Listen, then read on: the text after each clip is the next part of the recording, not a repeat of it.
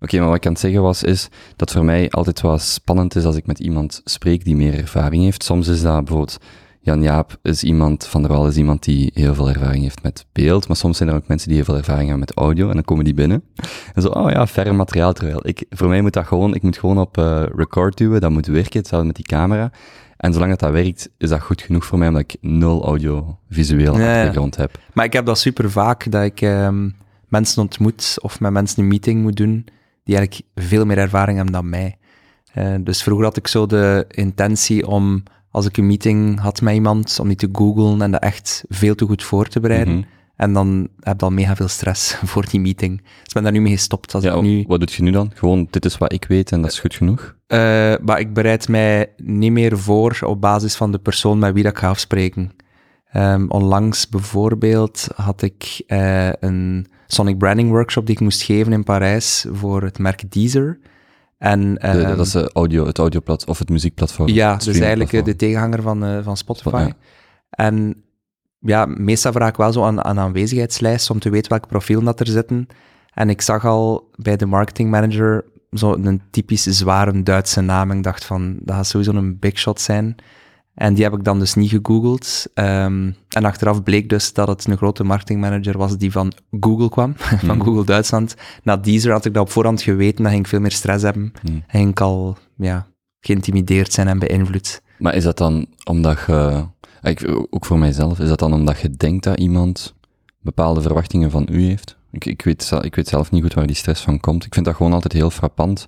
Dat ik denk, ik, eh, bijvoorbeeld als ik iemand dan interview van die zelf interviews doet, maar ik, ik weet eigenlijk nooit goed waar, waar, waar, waar dat vandaan komt. Of wat jij zegt. Want in principe willen, komen ze om naar u te luisteren, dus waarom zou je stress over, over wat er gebeurt? Of over wie dat er komt? Ja, enerzijds weet je wel dat ze met u willen afspreken dan alleen die context, wat dan werk is, omwille van je expertise. Maar anderzijds, als je dan zelf je research hebt gedaan, eh, de reden waarom dat je dan dus eh, stress zou kunnen hebben, is ja, waarschijnlijk omdat die persoon dan ouder is. Mhm, ik ben ook nog vrij jong. mhm, Dus dan denkt je van, oké, die staat langer in het leven. eh, en ik ben uiteindelijk nog een, een jong ventje. Maar ook eh, omdat dat regelmatig dan mensen zijn waar je naar opkijkt. En ja, dan vervalt het misschien in, oh nee, ik moet mij bewijzen of ik wil mij Mhm. bewijzen. Dus ik denk dat dat misschien een oorzaak is. Eh, maar ik denk misschien meer van op eh, een hoger niveau, dat we als mens ja, risicoavers zijn en dat we zo zijn gebouwd om eh, stress te krijgen, om jezelf te beschermen tegen de gevaren die er zijn. mhm. En dat dat meer gewoon iets natuurlijk is. En dat je ja, daar wat, wat zorgen om krijgt of zo. Van let maar op, hè, dat je niet te veel risico's pakt. Je bent ook meer bezig met wat er allemaal fout kan lopen dan wat er zomaar eens goed zou kunnen lopen. Zeker, ben er altijd mee bezig Ja. met al die rampscenario's. Ja. Zeg, dat, dat doet mij aan iets denken. Ehm, ik heb je nog niet voorgesteld. Cedric, ik ga, ik ga gewoon vragen om jezelf voor te stellen, als dat goed is. Hallo, ik ben eh, Cedric, dus geboren in eh, 1987. Eerst en vooral eh, ben ik een man in de zin van de man van mijn vrouw, Julie. Eh, ik ben ook daarna vader ehm, van twee kinderen, Leo en Nino. En Arme Julie. arme Julie. en eh, ik ben ook eh, vooral zeer gepassioneerd door geluid. Dat is in het kort wie ik ben. Mhm. Die, ehm, ik, ik, ik heb hier de beschrijving eh, bij, eh, ik spreek altijd fout af, uit, maar Borir- Borirov Lambrechts van, van eh, uw boek, De Kracht van Geluid. Ehm, ik ga gewoon het eerste stukje voorlezen. Oké. Eh, Cedric Engels heeft altijd al veel nood op zijn zang gehad. Het leek dus niet meer dan logisch dat hij rond de eeuwwisseling, na een jeugd tussen de platen van zijn ouders, samen met zijn broer Didier het eclectische DJ-duo Hermanos Iglesias boven de doopvond hield. Is dat waar de meeste mensen u, denk je, vandaag nog eh, van kennen? Ja, ik verschiet daar eigenlijk wel van. Ehm, ik word daar nog geregeld over aangesproken van, ah, maar zei hij niet een dien van? Eh, ofwel zeggen ze, zijn niet de broer van. Dat is dan DJ, omdat mijn broer is eh, tien jaar ouder. Ik ken ook meer mensen dus. Maar effectief, ja, ik heb heel veel gedj'd en muziek gemaakt tussen mijn 12 en mijn 27. Ehm, Het was, het was uw broer die daar, die daar al mee bezig was. En die u daarin heeft meegetrokken, of jij hem. Eh, eigenlijk ben ik, ik ermee begonnen, eh, dat is een beetje puberaal en ook puberaal eerlijk dus, omdat ik een oogstje had ehm, ja, op een, een meisje in de klas. En eh, de broer was DJ en ik dacht, ja, je mag niet rechtstreeks gaan, je moet via een andere weg. Mhm. En de broer, die draaide techno. Dus ik begon dan ook techno te draaien en dan was dat mijn maat. En dan zo kwam ik bij dat meisje terecht. Hoe oud was je toen? Eh, Twaalf. Hm. Eh, maar natuurlijk, ja, muziek eh, zat altijd al in het bloed en in TNA via mijn vader. Dus er was altijd en overal muziek bij ons thuis. piano, Charlie Lewis, Elvis, The Stones, noem vader was muzikant. Hobbymuzikant, vooral liefhebber. Maar hij vertelde heel veel verhalen ja, over de optredens en over muzikanten dat hij had ontmoet. En ik hoorde dus ook constant muziek bij ons thuis. En ehm, terwijl dat Hij- ik... so- wacht, sorry dat ik onderbreek. Maar hij had die, waar ik dan aan denk als jong, als jong persoon, het was deels bij mijn vader ook zo, dat, eh, dat je die verwondering aan een kind kunt meenemen. Van die, de, de manier waarop muziek u kan meenemen. En je gaat bijvoorbeeld naar een, naar een concert en je spreekt daarover en iemand denkt, wauw, daar had ik moeten bij zijn, omdat er zo'n beleving is. Zo, dat als je dat aan een kind meegeeft, dat dat, dat, dat een, een, enorme impact heeft. Het is niet gewoon een plaatje vinyl of een nummer, maar er, zo de, de, ja, die verwondering. Ja, en een hele belevenis en eigenlijk een database aan herinneringen en emoties. Want als ik nu bepaalde muziekwerken terughoor, dan word ik echt zo teruggecatapulteerd naar soms twintig jaar geleden. En dan weet ik exact wat ik me toen voelde, wat ik zag, wat ik rook. Ehm, en dan heb je plots weer ja, immens veel associaties. En dat is wel zalig natuurlijk aan, aan muziek. Mhm. Dus effectief, die verwondering eh, zit daar zeker eh, aan vast. Dus je bent 12 jaar, je probeert een meisje te versieren, je begint techno te draaien. Ja, en dan komt mijn broer eh, terug uit Madrid. Wacht, hoe is het met dat meisje afgelopen? Eh, Of komt dat later dat is terug? niet Julie. Nee. dat is nog altijd een vriendin, maar ik zie of hoor die heel weinig. Weet ze het Eh, verhaal? Denk van niet eigenlijk. Eh, maar ik heb eh, deze week eh, mijn boek opgestuurd naar haar vader. en die weet dat ook niet. Hm. Eh, maar haar vader is eh, ja, een vriend van, van mijn ouders. En eh, ik heb op pagina 1, en je moet dan altijd zo als auteur een persoonlijk nootje schrijven. Hè. Dus ik heb dan geschreven van, eh, zoek uw dochter in het boek. Ehm, en zonder haar was dit boek er misschien niet geweest. ik heb die tekst ook besproken met mijn vrouw. Hm, mhm. Ehm, nee, maar uiteindelijk ben ik dan nooit eh, samen geweest met dat meisje, want ik was dan zodanig gepassioneerd door DJ'ing, dat vrouwen mij ook totaal niet meer interesseerden. Hm, hm. Dus dat was dan wel de ironie. Dus mijn broer komt terug uit Spanje, uit eh, Madrid, en een beetje jommekesgewijs zegt hij, ah, gaan wij geen DJ-duo vormen? Wat vinden van Hermanos Inglesos? En ik wist wel, ja, klopt dat wel? Is niet Ingleses? Ja, ja, ja, maar dat is te lastig en laat ons maar Hermanos Inglesos nemen. En er hebben heel veel mensen los Hermanos Inglesos Mm. ervan gemaakt en dan krijg ik juk van, want het is zonder los. Maar alleszins, eh, we zijn beginnen draaien toen Ik ik merk net op dat ik het ook fout heb uitgesproken daarnet. ja, maar dat is niet Ja. Er is niet zoiets als right or wrong. Ehm, nee, en dan zijn we samen beginnen DJ'en eh, toen ik dus 12 was en mijn broer eh 32. Eh, sorry, 22. 22. 22, ja. Hoe, hoe begon dat dan? Bleven jullie bij techno? Mm, Want je broer had dan ook wel die muzikale vibe of interesse om, om te draaien. Ja, mijn broer zat meer zo in het circuit van de bals. Ken het, de retorica-bals en... Zijn daar Eh, grote studentenvuien? Ja, voilà. Dus daar DJ'de hij eerst met mijn andere broer, Christophe, die dat 12 jaar ouder is dan mij. En dan met een maat, eh, dat heette Zof Music, denk ik. Ehm, en dan zei DJ tegen mij van, ja, die techno, dat is toch non-muziek en ik draai ook zo wat trance. Maar ik vond dat wel heel cool. Eh, en dan zo zijn we eigenlijk tot ja, iets eclectisch gekomen, wat dan ook in die tekst staat van eh, BNL. Eh, omdat we ook, ja, een genre was geen genre, gewoon wat dat we graag hoorden. Hm. En dan is die mix daar ook gekomen van, van rock naar techno en alle mogelijke cross. Ehm, maar ik vond die in techno wel heel belangrijk om te vertrekken van BPM, uw ritme, uw tempo, om zo ook strak te kunnen mixen. En dat was voor mij wel altijd belangrijk. Die, jij, pla- die, draaide toen met platen? Ja. Cd-spelers al? Nee, altijd platen. Altijd platen. Ook verwondering trouwens, een plaat. Hoezo? Alleen in de Ah, zin ja. van de materie en Mhm. eh, ja, de, de warmte van de klank, eh, de crackle van de vinyl, Mhm. ook de geur, eh, heel de zoektocht van u thuis met uw fiets naar de platenwinkel, van wat ga ik nu weer tegenkomen, en dan in de curverbox zoeken en dan een parel vinden, dat al heel uw leven zoekt, maar dat hij niet wist dat hij aan het zoeken waard. Dus ja. Die periode, dus, dat is eind 90, begin 2000, als je ermee begon. Is Ja. dat dan de, Zijn dat de Joris van Dorens, de Dave, hoe heet hem Dave? Uh, Dave Clark? Dave Clark. Ja. Uh, en aan Tiesto moest ik aan denken, maar niet echt techno, Nee. ook rond die periode Ja, dat hij voilà. echt opkwam, 2002 Ja, maar ook heel veel foute muziek. Hè. Ik had zo de Zillion eh, compilaties en de Dance Trains en Mm. eh, daar zat ook eh, Scoop Drop It, van die dingen. Was zo Kent wat je, de on, fladderen. kent je de on-air cd's?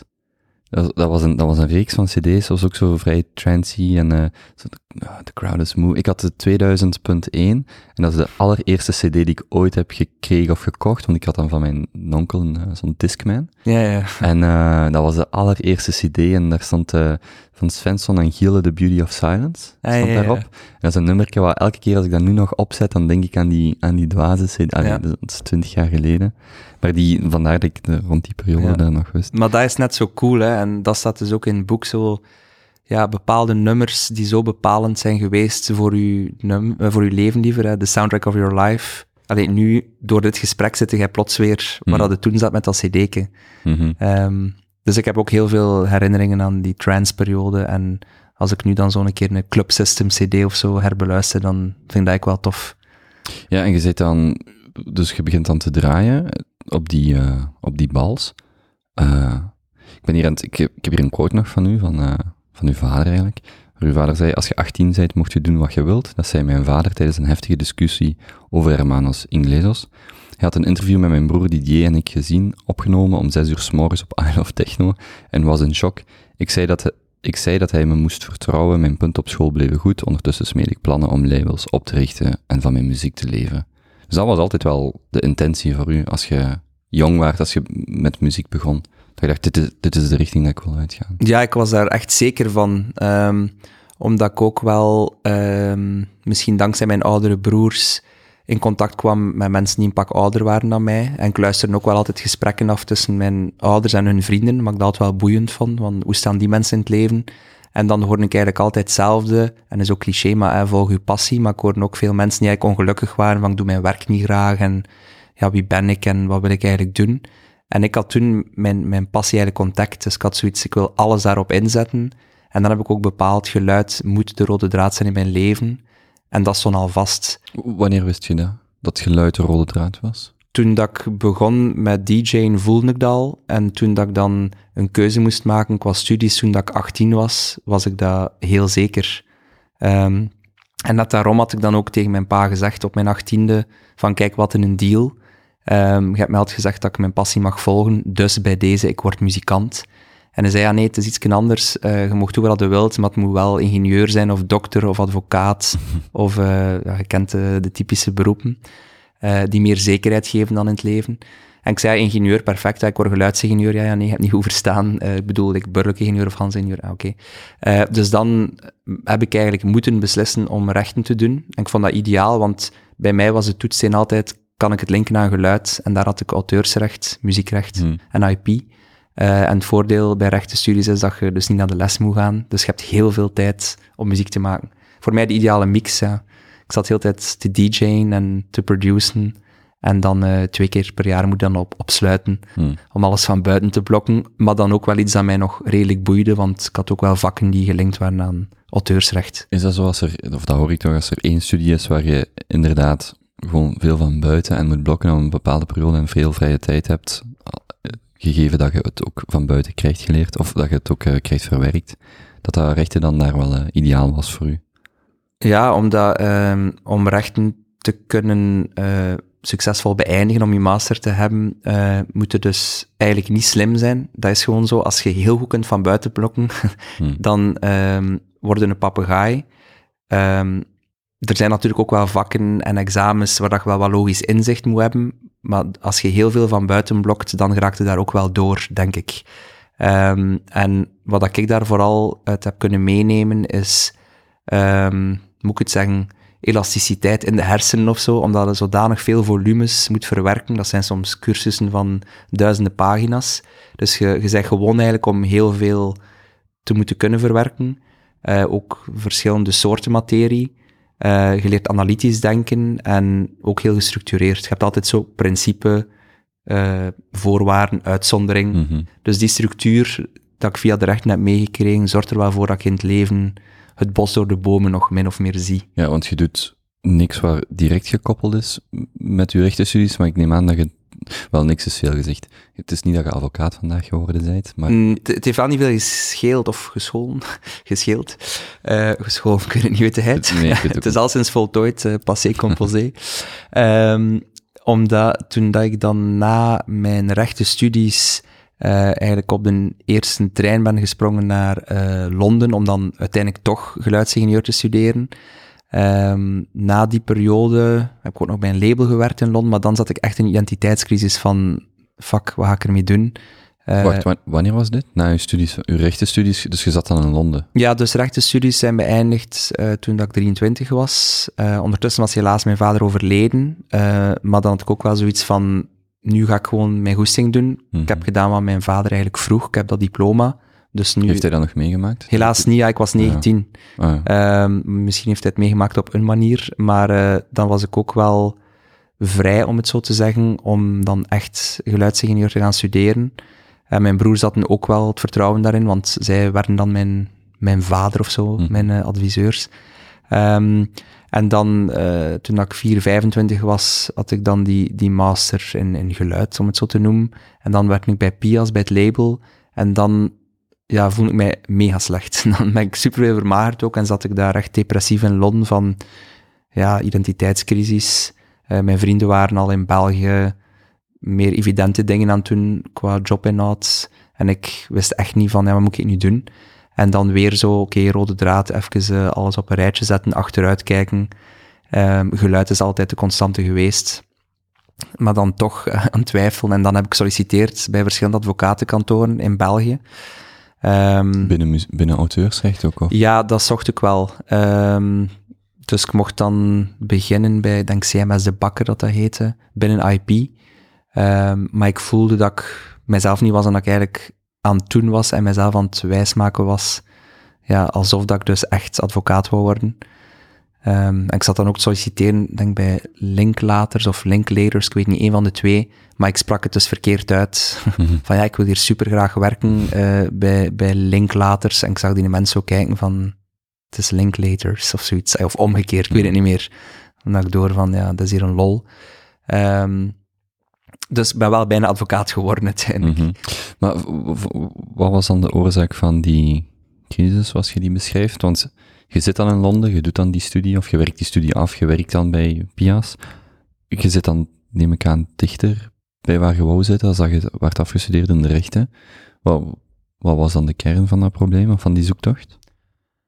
je beseft dan op een bepaald moment van, we zitten hier met zoveel geluid te studeren en er zijn zoveel muzikanten en de muziekindustrie is eigenlijk verzadigd en ondertussen was digitalisering zich verder aan het manifesteren, Ehm platenverkoop stagneert, Ehm, ja, veel meer concurrentie eigenlijk. Terwijl dat dus nogmaals mijn vrienden voor klassiekere paden eh, hadden Hmm. gekozen.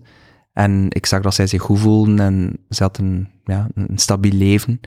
Maar ik zat zo nog op een rollercoaster van, ja, is, is dat wel het leven? DJ, muzikant, ehm, kan ik daar van leven en kan ik dan ja, daar een leven op bouwen eigenlijk, eh, met een vrouw en kinderen? Ja, want hoe vaak draaide je toen nog in die periode, als je in Londen zat? Draaide je toen überhaupt nog? Toen draaide ik al iets minder, maar de periodes ervoor, ja, dat was wel gemiddeld eh, twee keer per week. Dus gaat daar ook extremere weken in en Mhm. minder extreme. Maar als je dat dan doet van je, je 12, dan heb je wel heel veel gedj'd en Ja. heel veel in clubs en festivals eh, gestaan of opgetreden. Eh, maar in Londen wou ik me wel focussen op die studies en op mijn tijd daar. Ik had zoiets van, ik ben hier nu, nu ga ik wel zoveel mogelijk inademen en inspiratie ook doen. En je solliciteerde dan voor die advocatenfuncties of, of eh, vacatures. Hoe, hoe zit je dan vandaar verder gegaan om, om dan te vinden wat je wou doen? Ehm, dan ben ik eigenlijk gewoon terug naar Londen gegaan, want ik woonde nog in Londen, hè, maar ik keerde terug naar België dan om te solliciteren. Ehm, en dan, ja, wat ik daarnet zei, gewoon nagedacht door achteruit te kijken. Hè, nadenken, niet voordenken. Ehm, en dan gezien, oké, dus geluid is nog altijd mijn passie, dus ik moet daaruit vertrekken. Dat is hetgeen dat ik zeker ben. Ehm, en dan ben ik op het idee gekomen om dus ja, een, een bedrijf op te richten. En om... eh, Dat was toen Roundhouse. ja, inderdaad, ja. Dan spreken we van 2013, als ik het goed heb. Ja, Rond die periode. 2012, 2013. Ja, ja. Dus je bent dan 6, 27 of zo, je komt terug eh, uit Londen. Wat, het lijkt me een grote stap van eh, solliciteren voor, voor een advocatuurrol naar, naar, naar uw eigen bedrijf oprichten. Want hoe, hoe, en je kunt misschien kort bes- beschrijven wat toen de intentie was van Roundhouse en wat je vandaag doet, hoe dat, dat ook geëvolueerd is. Maar hoe kwam je dan op het idee om, om dat zelf te, te doen? Ehm, Of van waar kwam misschien de moed om die stap te nemen? Wel, ik zag eigenlijk in het buitenland eh, dat er bewegingen waren rond identiteiten bepalen voor, voor merken en voor films en voor reeksen, eh, auditieve identiteiten. En dan zag ik dat dat in België eigenlijk nog niet echt aan de orde was. Eh, dus ik ben gewoon geïnspireerd door, door te lezen en daar, daar verder onderzoek naar te doen. En ehm, ja, mijn droom was altijd om een muziekproductiehuis te beginnen, maar nog niet met een bepaalde missie. En toen had ik die missie gevonden van, ik wil een auditieve smoel geven aan, aan merken en aan films. Is dat te kort door de bocht? ik zie je zo kijken van... eh, ik, ik, ik zat ook in mijn hoofd met een audio eh, van een logo en ik, ik kan er maar niet op komen van welk merk dat is, maar om, om, daar, om daar een voorbeeld van te geven, dus, dus voor iemand die totaal geen idee heeft wat dat is, bijvoorbeeld je ziet een, een reclameclip of een reclamespot van een, van een bedrijf en dan gaat het om de echte de audio, dus, de, dus een, een zogenaamde huisstijl, maar dan een audio. Ja, en wel gezegd nu reclamespot, dat is al een specifieke toepassing van een auditieve huisstijl, meer in de ja, klassieke interpretatie van een jingle of zo, wat jij Mhm. nu zegt. Mhm. Voor mij begint het een stap ervoor. Ehm, ja, merken hebben een, een, een branding, wat dus ook veel meer is dan gewoon een logo. Dat is echt, eh, ja, wat is de reputatie van een merk? Eh, wat is de huisstijl? Eh, waar staan ze voor? En dan is de bedoeling dat je op basis van een brand dus ook iets auditief gaat ontwikkelen. En dus veel meer dan enkel een jingle. Ehm, misschien een voorbeeld dat niet uit de wereld van de merken komt, maar het is ergens ook een merk, James Bond. De. Je hebt die soundtrack die we Mhm. allemaal al jaren kennen. Is in de jaren 60 ook eh, gecomponeerd. Ehm, maar uit die hele song heb je een vaste melodie die we allemaal herkennen. Maar heb je ook verschillende remixes die gemaakt zijn naar gelang waar dat 007 dan zit. Mhm. Zit hij in de Caraïben, of zit hij in eh, Indonesië, of zit hij in eh, een coole underground club. Dus dat is ook allemaal aanpasbaar. En dat is een beetje het idee van, ja, Wat, wat waren dan op dat moment de projecten of de, de dingen waarmee jij in je hoofd zat van dat zou heel cool zijn als ik dat zou kunnen doen? Als je daarmee begon? ik wou sowieso heel graag ehm, ja, muziek gaan maken voor, voor films en series. Ehm, die James Bond is ook iets dat ik van thuis altijd heb meegekregen. En met mijn papa ging ik altijd kijken naar eh, de nieuwe James Bond films. Ehm, maar ik ben wel vertrokken vanuit de merkenwereld, omdat ik wist dat er daar heel veel potentieel lag. En natuurlijk, ja, dan denk je aan merken die je cool vindt. En toen was dat voor mij Nike. En ik dacht, wow, hoe zal Nike klinken? Hoe cool zou dat zijn als ik daar iets Mm. voor zou kunnen maken? Eh, maar natuurlijk, ja, ver van mijn bedshow op dat moment. Ehm, en dan is eigenlijk het eerste merk waar dat we voor gewerkt hebben, Coolblue. En dat vond ik ook wel een tof merk. Eh, dus hebben we daar die oefening voor gedaan. En dan zo is het eigenlijk allemaal ook verder eh, Mm. beginnen ontwikkelen. Dus eigenlijk gelijk iedereen eh, de tune van James Bond of Star Wars herkent. Dus het hoeft niet louter commercieel te zijn, dat kan film, eender welk thema eigenlijk zijn, waar jij muziek toen voor wou maken of wou Ja. beschrijven. Ja. Wat was, je zegt net dat je, dus je, je draait als DJ, je bent audio- of geluidsingenieur, maar wat, wacht je alleen als je het bedrijf startte en welke mensen had je nog nodig om, om dat werk te kunnen doen? Welk, welk type team heb je nodig, of welke competenties heeft een team nodig om te maken wat jij maakt? Of te maken wat je bedrijf maakt? Ja, maar sowieso geloof ik ehm, dat ja, alleen zijde maar alleen en zijde ook sowieso dommer. Dus ik ben ervan overtuigd dat een team nodig hebt. Niet alleen qua competenties, maar ook als klankbord en ehm, ja, om samen te kunnen ondernemen. En de eerste persoon die ik eh geskyped heb uit mijn bed in Londen was eh, Pieter Jan Dullizy. Dat was toen eigenlijk een, een maat van mij waar ik muziek mee maakte. Hij had een band eh Superlijm. En ik vond hem wel inspirerend. Ehm, hij begon toen ook muziek te maken voor eh, Oscar and the Wolf, eh, een vrij getalenteerde gast. Dus dat was de eerste competentie die ik zocht. iemand die naast mij ook mee het creatieve zou kunnen bepalen, een goede muzikant, uh, een Zwitser zakmes, omdat hij heel veel stijlen aan kan. Um, en dan is dat heel snel beginnen evolueren naar het idee van een platform aan muzikanten, omdat ik door mijn contacten vanuit Hermanos heel veel muzikanten zag die uh, ja, geen werk niet meer hadden, of niet meer konden optreden, of ja, geen inspiratie meer hadden om een plaat te maken. En dan zo zijn er heel snel heel veel muzikanten bijgekomen. Dus dat wil zeggen dat je een, een pool had waar dat je muzikanten of, of, of mensen die dan op projectbasis voor u muziek konden schrijven of ja. bij die projecten konden Dus dan uh, ja, heb ik eigenlijk gedacht van waarom geen, geen brug maken tussen de klassieke muziekwereld en de wereld van de film en de merken. Um, en zo is dat vrij snel beginnen evolueren, omdat ik in het begin maakte ik zelf nog muziek voor projecten, maar dan had ik zoiets van, laat mij eerder de music supervision doen, om het zo te noemen, uh, en ervoor te zorgen dat de juiste mensen op het juiste project zitten, en dat we zo altijd iets uniek kunnen maken en niet één composer of zo die, die mhm. alles maakt. Met hoeveel, met hoeveel zitten jullie in het bedrijf, los van de, de mensen die als freelancer misschien of die op projectbasis werken? Um, ja, bij Roundhouse was ook nog een ander verhaal. Um, waren we met, uh, op het einde met uh, vijf mensen vast en dan een freelance poelen van rond uh, eh, 100 muzikanten. Mhm. En dan sinds de fusie, en vandaag heet het Sonhouse, zijn we met een twintigtal mensen vast en is de poelen rond de 200 muzikanten. Hoe, hoe is uw rol veranderd na die fusie? Um, maar in het begin wou ik er echt overwaken dat ik niet zou verglijden in ja, klassiek in puur management, want je zit met een groter team. Dus uh, heb ik ook met mijn nieuwe medevenoten uh, direct ook heel duidelijk gemaakt van er moet een persoon bij die mij kan bijstaan in alles van management, uh, zodat ik kan blijven ja, werken op projecten, want dat is mijn passie. Um, componeren zelf, daar ga ik nog even mee moeten wachten tegen dat ik dat weer ga kunnen doen. Maar voor mij was het wel ja, cruciaal dat ik nog in projecten kan zitten en niet gewoon ja, een managementfunctie heb. Mhm.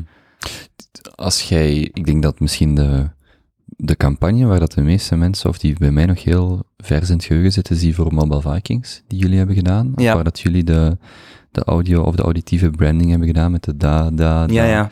En dan de, de videoclip en uh, een hilarisch nummer. En um, kun, kunt je misschien vertellen hoe dat, zo, hoe dat zoiets dan tot stand komt? Wat, wat daar de, de stappen in zijn, uh, in de mate dat je daarover uh, kunt praten? Ja, dus um, dat is begonnen met een idee van uh, Mortierbrigade, dus een, een reclamebureau. Um, en zij staan wel ook voor een bepaalde aanpak, altijd met een goede noek af. en ja, dat DNA sluit dan ook wel aan bij ons, om dan voor Mobile Vikings, wat dan ook al een merk is met een hoek hmm. af, om daar zoiets voor te gaan doen. Uh, dus hoe gaat dat in zijn werk? Het idee lag er al om te vertrekken van de track van Trio, wat ook ja, een band is met een hoek af, dus alles klopte wel. Um, en dan zijn we eigenlijk begonnen met de, de tekst ja, te veranderen van het nummer. Uh, hebben we dan ook een nieuw instrumental gemaakt. Hebben daar verschillende oefeningen op gedaan. Ook ons platform aangesproken. Um, en verschillende producers en ook zelf DJ's en muzikanten op laten werken van hoe kunnen we nu een coole andere versie maken van dat nummer. Maar uiteindelijk zijn we teruggekeerd naar de essentie. En dat is een Casio VL-tone heet dat. Zo een bakje dat eigenlijk ook een rekenmachine is. Mm. En dat is eigenlijk de drumcomputer, maar ook de machine waar dat de melodie uitkomt van dat nummer. En hebben we daarmee een nieuwe versie gemaakt. En dan ja, in de studio uh, met Stijn Kolen, is eigenlijk de stem. Stijn Nicole. Um, en uh, ja, dan heeft Mortierbrigade ook een productiehuis aangesproken om dan... Voor de video. Ja, voor de video. En uh, dan zijn er ook nieuwe versies van gekomen, van de track. is, dat, is dat dan een type, een, een, goed voorbeeld van wat je in je hoofd had dat gewoon maken, dat soort campagnes, of dat soort, ik moet niet zeggen campagne, maar uh, resultaat, audio, auditief resultaat? Of, of gaat al, want als ik dan denk aan, aan Sonhouse en wat ik, wat ik lees op de website, en ik zie dan van Mobile Vikings, dan denk ik, oh ja, dat moet een wellicht type project zijn, maar ik weet niet of dat, of dat voor u ook zo is. het is niet het beste voorbeeld, omdat voor mij de koepel is, wat ik al zei, geluidsidentiteiten of sound identity. Um, en dat op twee departementen, op film en dan op brand. En dan die Mobile Vikings is voor mij al meer uh, creatief nadenken vanuit muziek en geluid op een campagne, maar vertrekt minder vanuit een merk. Uh, ik weet niet of dat ja, een beetje ja. duidelijk is. Ja, ja dus, dus niet omdat, uh, omdat ik als eindkant denk, ah ja, dat is herkenbaar, Mobile Vikings, maar het zegt op zich niks over Mobile Vikings, het zegt iets over die campagne die ze op dat Inderdaad, moment draaien. dat is volledig. Dus het is tof om wat te doen. Uh, en je creëert ook een geluidsidentiteit, maar niet vanuit de filosofie dat ik daarnet zei, echt vanuit een brand zo uh, muziek gaan creëren. Want eigenlijk, muziek creëren voor, voor een merk uh, vertrekt zonder beeld en zonder campagne. Dus echt ook een stap terug, een soundtrack maken puur op het DNA van, van een merk of op een scenario. Zoals we dat doen voor een reeks of een film, dan doen we dat eigenlijk liefst zonder dat er al iets geshoot is. Mm -hmm. Like als we de dag hebben, hebben gedaan, de soundtrack, uh, dan hebben Jonas en Julie ons puur het scenario gestuurd en hebben op basis daarvan muziek gemaakt. En dan is die muziek meegenomen in de shoots en in de eerste montages en dan zo, hebben we zo verder gewerkt. Dus dat, dat ligt er op een andere basis. Uh, dat zit meer vooraan ook in, mm -hmm. uh, in het traject. Maar die, als ik het zo goed begrijp, ligt voor u misschien de, de nadruk bij films? Of bij of, of mm. uw hart misschien ligt daar meer bij? Ik weet niet bij alle twee, maar um, ja, in film is ergens ook een merk, hè. Um, maar dat komt omdat ik van nature misschien meer um, een voorliefde heb voor ja, alles wat uh, de filmwereld betreft, dan wat de merkenwereld betreft, maar het klopt eigenlijk ook niet. Uh, ik denk dat ik gewoon de, de laatste tijd wat meer zin heb of zo in, in filmprojecten te doen. Mm -hmm. Uh, ook al doe ik nog veel merkenprojecten, maar ik heb echt de, de beide nodig. Is dat in België moeilijk om filmprojecten te doen? Moet je daarom net naar het buitenland gaan kijken? Of zet je daar net naar het buitenland moeten gaan? Om, om... Ik kan me voorstellen dat de filmindustrie in België moeilijker is dan de merkindustrie, wat, wat, wat sonic branding aangaat. Mm, sowieso staan beide industrieën onder druk. In de wereld van de merken uh, gaan de budgetten naar beneden en zijn ze meer versnipperd uh, door de verschillende media. En denken adverteerders van, ja, een online filmpje, maak dan een keer op, maar dat moet ook goed zijn. Mm -hmm. um, maar er worden geen grote tv-spots meer gemaakt, dus die budgetten ja, zijn gewoon verdeeld over heel veel kleine zaken uh, op lange termijn. En in de filmwereld, um, ja, takshelter staat wat onder druk. Uh, bon, de cultuurbesparingen zijn, zijn jullie bekend. Um, dus het is niet evident. En we zijn ook wel met veel muzikanten in België. Uh, dus ja, daarom inderdaad uh, kijken naar het buitenland. Maar ik geloof wel, als je voor iets staat, um, ja, en je blijft gewoon die koers volgen, dan kun je ja, zo turbulente tijden van um, recessie, is misschien een groot woord, mm. maar er zijn toch wel redelijk wat signalen, dan kunnen dat wel uh, doorstaan. En moet dat wel lukken om te overleven. Mm -hmm. Die, waar past, gestart dan met, uh, met Roundhouse, waar past dan, uh, of passen de Hermanos in? Hoe, hoe is dat verhaal dan uh, geëvolueerd? Ik wilde altijd heel hard gescheiden houden, omdat ik dacht van ja, als ik Roundhouse profileer als ja, dat is een dien van Hermanos, dan gaan mensen denken dat ik alles doe en dat alleen maar dat is dat we doen. Uh, met Hermanos draaiden we wel heel eclectisch, maar toch, ze zouden mij altijd zien als, ah, die maakt alleen maar elektronische dingen of die maakt alles zelf, terwijl dat ik net die reputatie niet wou. Ik wou echt aantonen dat we met een heel platform werken. Um, dus ik heb altijd de twee heel hard gescheiden gehouden.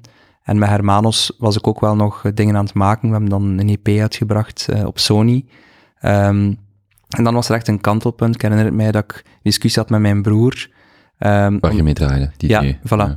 Um, omdat we één single hadden, Self Control, en die was wel succesvol in het buitenland. En we konden eigenlijk op tour gaan uh, in Zuid-Amerika. En we konden daar ja, een paar maanden gaan optreden. Maar dan wist ik, oké, okay, dan laat ik mijn ander kind, Roundhouse, links liggen.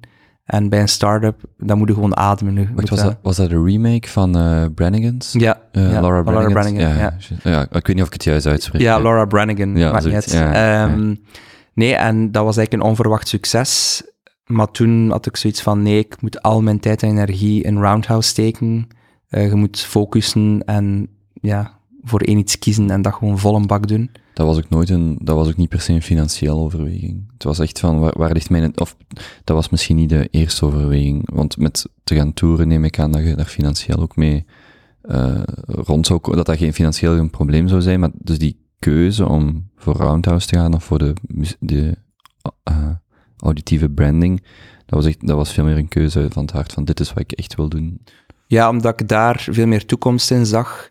Ehm, en omdat ik ook wist van, ik wil geen DJ zijn die ja, op, op, op zijn 45 nog altijd de wereld moet rondreizen Hmm. en eh, een zwaar leven moet hebben en dus ook geen gezin kan uitbouwen. Dus ik had wel zoiets van, ik wil eh, ook, hoe noemen ze dat, ergens sedentair zijn en eh, een nestje kunnen bouwen.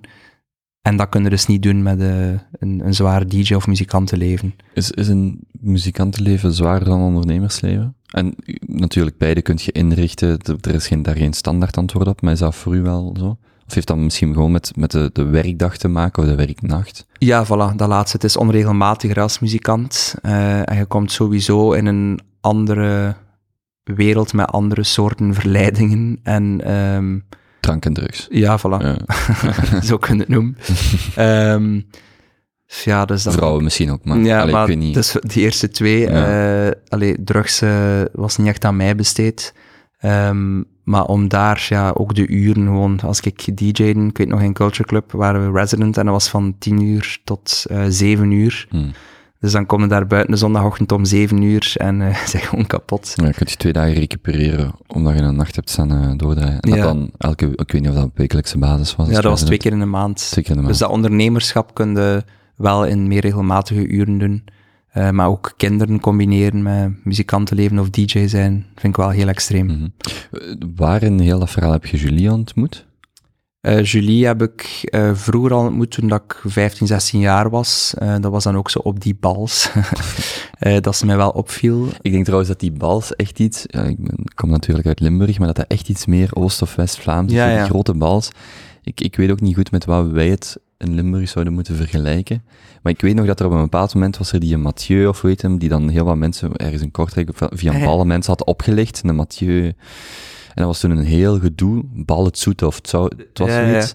En toen dacht ik, maar wat, wat is een bal? Ik, allee, ik, ik wist niet goed, is dat gelijk een studentenfeest, gelijk een Chrysostomos of 100 dagen, of is dat, is dat iets heel anders? En vandaar, eh, ik denk dat wij aan Limburg daar geen equivalent van hebben. Wel, ik wil heel graag nog een keer een bal organiseren. ehm, maar voor leeftijdsgenoten dus. Mhm. Omdat dat iets nostalgisch heeft. En is ook ergens heel fout. Dus eh, het idee van een bal is dat je een lelijke affiche maakt, waar dat er staat bal van iets.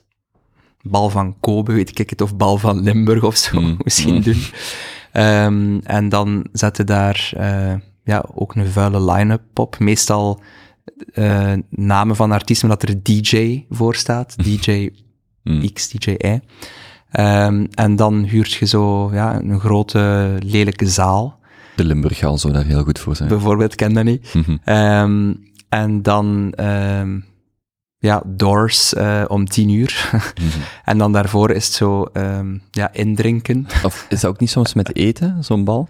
Is dat, Dat heb Dat- ik nog niet gehad. Normaal gezien is het, het start zo om tien uur, maar de meeste mensen komen daar al Mhm. bien toe. Eh, en dan meestal is het ook ehm, in kostuum. Ja. Eh, naar gelang huurde dat dan, of niet. Ehm, of doen een smoking aan. En dan is het ook zo, ja, wat de parendans, hè. Dus dan heb je bronzige beren en dan heb je daar ook meisjes. Eh, en dan ook gewoon meestal slechte muziek. Ehm, dus ja, dat is het idee van, van een bal. En het was op een van die En- evenementen. Ja, had je haar gezien. eh, Tijdens maar, de paren da- of zo. ja, zoiets. Of, Zoiets. Maar ja, ik draaide dan ook wel soms op die bals. Hm. En dat was ook nog moeilijk, want je probeert dat dan naar uit te vinden, maar je mocht dat niet doen. Je moet gewoon like, goed wat- fout draaien. Ja, ja, ja. Eh, dus ik Je ook... zit daar niet om, om techno perfect eh, op uh, beat-technisch niveau te mixen. Je zit daar gewoon dat mensen... Huh, dat herken ik. Ja, ja, voilà. Ja. Dus scoop, drop it, dat past daar op een bal. Dus dat heeft ook gewoon een fun factor en je moet ook niet anders proberen doen of zo. Het is wat het is. Ik was op weg naar hier nog eens eh, Ride With Me van Nelly aan het beluisteren. Ja, ja, ja. Dat type liedje waar ik dan aan moet denken. Voilà. eh, van, het maakt niet uit hoe je dat eruit zet, dat mag gewoon op. En dan fadertje wegdoen. Ja, Van, ja. "Must be the money. Ja. Zingt iedereen dat wel op. Of bij Pump Up The Jam of zo. Ja. Ah, snap het wel. Ehm, dus Julie, dan was er eigenlijk ja, nog niet, niet echt iets gaande, eh, omdat ik toen ook een relatie had. Eh, maar dan heb ik haar herontdekt, om het zo te zeggen, onder de disco bal. Dat is ook weer een bal. Ja, geen bal, maar zo de... DJ. Of als Eh, nee, ik, was, ik stond daar in Gent, Gents feesten. Dus je hebt aan de charlatan zo een disco, bal, bol. En dat is altijd zo om zes uur s ochtends spreekt iedereen dan af daar op de, de Vlasmarkt of de Flashmarkt, like dat ze dan zeggen. En daar, ehm, Wordt gaan muilen. Het was niet muilen, het was eh, gewoon eh, ja, een zoentje op de mond, eh, verkennend, Ah, snuffelend. Ik denk dat ik in de week was ik dat YouTube-kanaal van Kurk Droog aan het zien. En die was tijdens de Gentse feesten. En toen zei, want dat is de enige reden, ik ben nooit op de Gentse feesten geweest. En toen zei een meisje, ik moet nu door, want ik moet gaan muilen aan een, boom of een bal. Of, het, het, het was zoiets. Je moet niks, hè, maar Ja, muilen, Ja. muilen is inderdaad wel zo'n typisch woord voor die context van de Gentse feesten. Eh, daar al sinds eh, dan Julie toch wel eh, nogmaals opnieuw ontdekt. En eh, dat was de direct een vonk. Ehm, ja, en dan zijn we samen begonnen. En nu zijn Hoe oud we... was je toen? Ehm, toen was ik eh 25 ongeveer, Ah ja, zoiets. Dus ja, heel 4, die- 25. Heel de Londen-episode lag toen net achter u. Ja, had het was nog- een deel voor de Londen-episode. ehm, en dan is er een klein breakje geweest, maar dat is vrij snel eh, hersteld. Ehm, en dan een keer dat ik terug was uit Londen, dan ja, heb ik nog een jaar in Brussel gewoond eigenlijk, omdat ik het niet zag zitten om van het grote Londen dat mij duizend en één prikkels gaf en inspireerde, naar het ja, toch landelijkere Gent te gaan. Gent is hier wel een stad, maar in vergelijking met Londen is dat echt een klein Een broekzakje wijk. van een wijkje. Eh, dus wou ik toch nog een keer naar Brussel gaan. En dan na een jaar Brussel ben ik dan toch terug naar Gent eh, getrokken. Jullie wonen nu ook in Gent. Eh, nu wonen we bij mijn moeder in eh, Waasmunster, ehm, omdat we iets gekocht hebben in Sint-Denijs-Westrem, dus in Gent. We zijn aan het renoveren, wat er geen zin om en huur te betalen en een Hm. lening. Dus wonen we tijdelijk met mijn gezin in het huis van mijn moeder. We hebben daar ook een huisje, hebben we dat genoemd, ja, ons huisje. Mhm. Dus een, een living dat we hebben omgedoopt. Die, dus, dus Hermanos is dan, ik heb dan die keuze gewoon gemaakt van ik ga niet toe, dus gaat dat, self-control kwam uit, dat was succesvol, maar dan heb je de keuze gemaakt van ik ga niet, ik, hier stopt het, ik ga niet gaan toeren of, of niet gaan optreden in het buitenland, want ik ga voor eh, Roundhouse gaan. ja, Dus dat was vrij duidelijk. Ja, Ja. sowieso. Was zij daar blij mee? Eh, Julie was eh, zeer blij. Mijn broer vond dat wat mottig, maar hij verstond dat ook en respecteerde dat. Ehm, en als ik erop terugkijk, soms denk ik van, ju, ik zou eigenlijk toch wel veel liever echt muzikant zijn en producer, zeker als ik gasten rondom mij bezig zie. Eh, onlangs zat ik in de studio eh, van eh, Goose en we zaten daar te werken met een regisseur op een reeks en hij zei van, ja, moesten mogen kiezen, wat zou hij eigenlijk willen Mm. worden? En dan meestal zeg ik dat ik een restaurant zou willen hebben met mijn vrouw, omdat ik dat ik een zalig idee vind. Maar toen antwoordde ik, ik wil ehm, toch gewoon muzikant zijn en doen wat die gasten van Goose eigenlijk hele dagen Mm. doen. Dus ik merk dat ik soms wel daar terug naartoe neig en dat ik het dan mis. Eh, maar langs de andere kant, ja, dat, die levensstijl, mm, Mm. daar heb ik toch wel schrik voor. Ja, misschien is dat stukje wat jij nu ziet, eh, of dat melancholische stukje van, dat is ook net het- misschien het beste van die, dat is misschien het beste deel van de keuze voor die carrière. Dat is niet deel waar je om vier uur s'nachts de zoveelste nacht naar huis afdruipt, Ja, nee, op je voilà. eentje en, Maar ik denk dat het ook neerkomt op eh, dat ik wil creëren eh, en produceren. Ik wil zelf dingen maken. Mm. En dat is eigenlijk ook wat je daarnet zei. eh, dan, hoe is dat dan veranderd, Sonhouse? Als je manager bent, dan maakte en creëerde zelf heel weinig. Mhm. Ehm, Ja, dat is dat gevaar. Ik zie dat, in, in- ik ga dat met de jaren nog meer zien, denk ik. Ehm, maar veel makers gaan, gaan van maker naar manager. En dat is Mhm. soms heel, heel pijnlijk, omdat je gewoon gaandeweg ziet je, je begint met iets, met een project, je hebt ineens meer volk nodig om het project binnen te halen of, af te ronden. En voor je tweede een paar jaar later zit je met 10 of 20 mensen en zit je eigenlijk, zit je op een goede dag neer en zeg je, wanneer is nu de laatste keer dat ik eh, iets gecomponeerd heb of een vlog heb gemaakt of iets heb geschreven. En dat soms moeilijk is om, om daar die balans in te vinden. ja, en ik denk dat mijn collega's of de mensen waarmee ik samenwerk mij ook soms eh, een irritante control freak vinden, omdat ik, ja, als je kijkt naar het organigram of zo van de organisatie, eh, binnen Sonhouse sta ik overal. Ehm, dus soms werk ik ook gewoon voor een projectmanager bij ons, omdat ik dan een project aan het uitvoeren ben. Mhm. Maar dat is ook vrij raar in een Maar organigram. tegelijkertijd zit je ook zijn baas of haar. Ja, maar bon, ik geloof wel zeker eh, anno 2020 in horizontale structuur. Ehm, maar dus ik zit op verschillende niveaus te werken en ik wil het echt niet verlogen, dat creëren, want dan zouden we een burn-out kunnen, kunnen krijgen. En dat was ook de reden waarom dat ik dat boek echt wil schrijven, omdat ik vroeger maakte ik muziek en bracht ik een plaat uit. En nu wou ik echt een project van mij alleen, waar ik ook ownership volledig over heb en ook zelf mijn creatief ei kwijt kan. Dus heeft me dat wel echt deugd gedaan, om dat te kunnen uitbrengen. Ja, want ik wou daar graag op terugkomen van, wat zijn dan, en je haalt het zelf aan, je had, je had vroeger de, de platen en deels ook de, de feesten. Ik neem aan dat de optredens hebben ook altijd, daar zit wel een bepaalde structuur in, dat je met je broer weet, we gaan ongeveer dit genre of dit type, of we gaan voor dat type set of dat type publiek. Maar dat daar ook een, altijd bij elk optreden nog die functie van creëren in zit. Maar was dat dan vandaag voor u, en dan wou ik eigenlijk naar dat, naar dat boek komen, um, heb je, misschien eerst heb je het gevoel dat je nog voldoende kunt creëren in het leven dat je vandaag hebt? Misschien dat die twee jong mannetjes dat ook natuurlijk, die dwingen u op een bepaalde, ja, op een bepaalde manier ook terug misschien uh, dingen te herdenken dat die, die niet waar zijn zoals je dacht dat ze waren. Allee, kinderopvoeden is per definitie vrij creatief, denk ik dan. Ja, ja. Wel, sowieso, um, als je... Ik weet niet of mijn vraag duidelijk is. Ja, maar het zitten verschillende elementen in uw vragen. Even kinderen. Uh, een keer dat er dus vader wordt, uh, kunt dat dus ook echt niet uitleggen aan iemand die geen kinderen heeft wat dat is om vader of moeder te zijn. Maar dan um, is uw universum totaal anders. Uh, vanaf het moment dat dat kindje dus uh, uit de, de mama komt, om het zo plastisch uit te drukken, dan um, wordt uw wereld, dat kind centraal, of die kinderen, en al de rest zweeft daar rond. Um, en die kinderen zijn dan ook het belangrijkste voor u. Ze zorgen ook voor chaos, dus dat was bij mij een probleem, net omdat ik een control freak ben. Chaos in de zin van, je moet je je leven opnieuw organiseren, qua tijd, qua energie, want je bent kapot, je bent super moe, je bent minder productief, terwijl dat je net ook wilt creëren en productief wilt zijn. Dus dan leert je ook wel om um, aan time management te doen. Uh, en dan op de, om op de essentie van uw vraag uh, terug te komen, uh, creëert je dan nog voldoende of hoe ga je dat doen? Is mijn ja, voornemen dan, omdat we het, het begin van het nieuwe jaar zijn, om mijn tijd wel echt beter te besteden in 2020 en daar altijd een deel te vrijwaren voor creatie. Maar natuurlijk, creatie kun je ook niet inplannen. Zijn een keer creatief, maak een keer iets tussen 1 en 3 de vrijdagmiddag. Ja, dat gaat niet zo.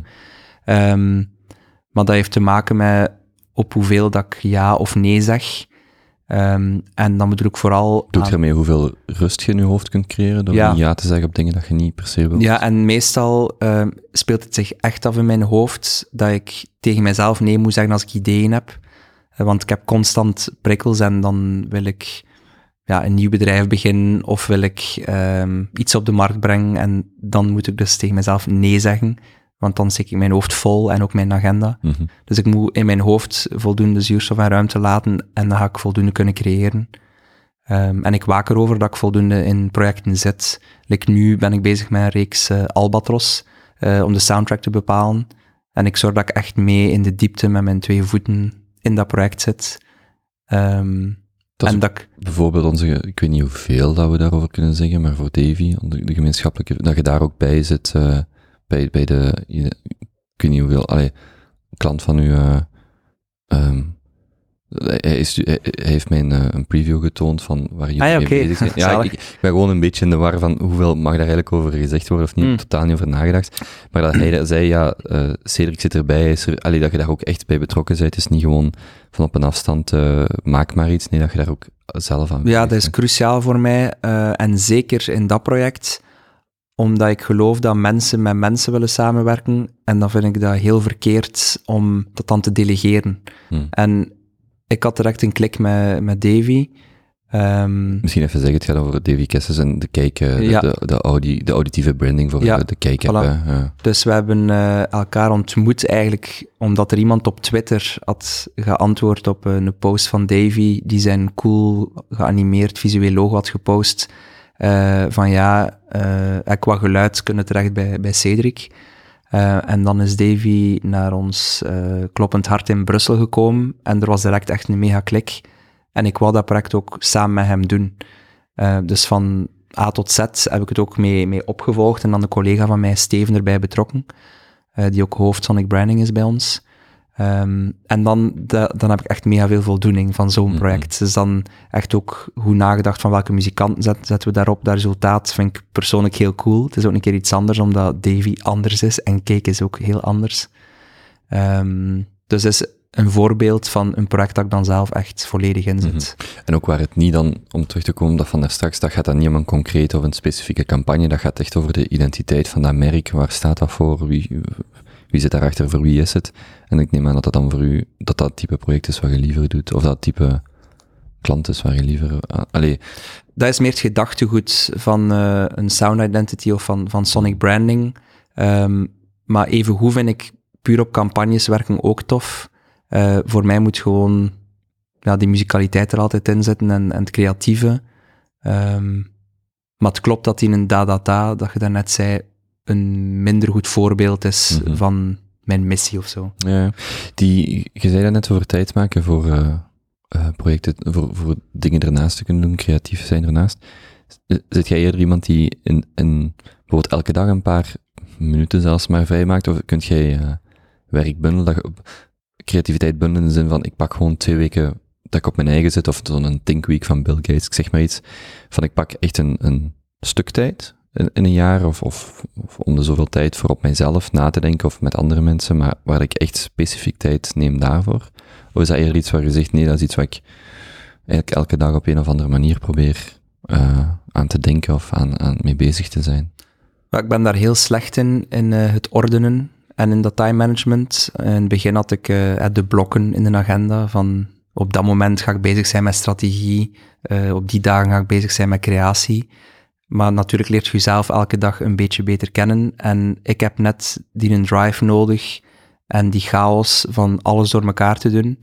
En dan eh, lopen de ideeën over in elkaar en heb ik ook Hmm. in mijn hoofd synergieën. Dan kan ehm, ja, bij wijze van spreken, eh, een, een Excel-sheet of zo, mij plots ideeën geven voor iets muzikaal. Allee, het is nu niet een voorbeeld dat letterlijk al is, is gebeurd, maar wel het type crossover van verschillende taken waar je mee Hmm. bezig bent, die elkaar wel kunnen voeden. Je zou maar eens op je toetsenbord aan het tikken zijn en denken, tja, kan Ja. iets met die geluidjes doen. Bijvoorbeeld, ja, dat is een beter voorbeeld. Ehm, maar ik geloof ook wel dat dat niet is vol te houden. Ehm, omdat ik voel dat afgelopen jaar was veel te zwaar. Ik heb echt veel te veel door elkaar gedaan. En die elasticiteit dat ik zei, dat ik dankzij de rechten ook wel wat heb in mijn, in mijn hoofd, ehm, begint ook wel een beetje af te nemen, omdat je meer vermoeid bent door je kinderen. En omdat er ook nog meer eh, prikkels op je afkomen. Ook door dat vrij ambetant toestel hier Mm, mm. waar ik zoveel mogelijk probeer uit te zetten qua meldingen en prikkels en ja, gefragmenteerde info dat ik krijg en je wilt dan iets opzoeken en dus je wordt Mhm. overspoeld ehm, qua hersencapaciteit. Ehm, maar dus het is allemaal door elkaar nu en niet gestructureerd. Maar ik ben er nog niet aan uit hoe dat ik dat moet oplossen eigenlijk. Ik vind zelf, en ik heb bij lange niet de verantwoordelijkheden die jij hebt. Ik heb geen bedrijf, ik heb geen kinderen, ik heb geen vrouw. Ehm, maar ik vind het bijvoorbeeld heel moeilijk. eh, doet je vaste opnamedagen? Dat je bijvoorbeeld zegt maandag, dinsdag, woensdag doe ik opnames en de rest van de week niet. Of gewoon wanneer het past. En dat je dan, dat je ook nooit echt een ritme ik, zoiets bijvoorbeeld. De ene, de, de, de ene maand of het ene kwartaal probeer ik het zus te doen, de andere zo. En ik neig ook veel meer naar, oh, het mag allemaal gewoon door elkaar lopen. Maar dan heb ik zo het gevoel dat je veel minder efficiënt bent met je tijd. Dat je gewoon ook heel veel tijd, dat je bijvoorbeeld, ah, oké, ik heb vandaag om vier uur een afspraak. Dat ik merk, alleen een interview of een gesprek, dat ook heel je dag daar naartoe werkt en dan is het soms moeilijker om op andere dingen te concentreren. Terwijl als je dagen hebt, om die drie dagen ga ik het gewoon doen per week, dan zijn die andere dagen precies meer vrij. Ja, maar dan is het dus moeilijk om binnen die afgebakende momenten mentaal en fysiek klaar te zijn voor hetgeen dat je dan dus ja, verondersteld bent goed te Mm. doen. Mhm. Ehm, ik heb misschien een voorbeeldje. Ehm, ja, David Bowie, wijlen helaas, is eh, eh, vandaag weer zijn, eh, zijn sterfdag. Ehm, en ik was vol een bak aan het werken, ik weet niet meer wat, in een project. En eh, plots moest ik denken aan David Bowie. En eh, dan dacht ik van, ja, waarom doen we eigenlijk niet iets cools ehm, met Aladdin Sane? Mhm. Eh, dat is de, deze ja, albumcover. Mhm. Ja, ik weet niet, mensen gaan dat waarschijnlijk niet echt kunnen zien zover. Eh, Google het maar. ja, en dan had ik een idee om van de albumcover iets te doen eh, met de, de MIDI-balkjes en de pianonoten die in ons Sonhouse logo zitten. En dan heb ik al de rest laten vallen en heb ik dat gewoon ja, een kwartier gedaan. Mm. En ik had daar mega veel voldoening van. Maar moest ik gepland hebben, ik zou het zelf niet kunnen plannen van, ah, we moeten een keer iets doen met, met David Bowie. En, Mhm. eh, Ja. met die MIDI-noten, dat zal ook nooit gebeuren. Mm. Dus dat springt dan gewoon plots in je hoofd. En dan neem ik dat ertussen.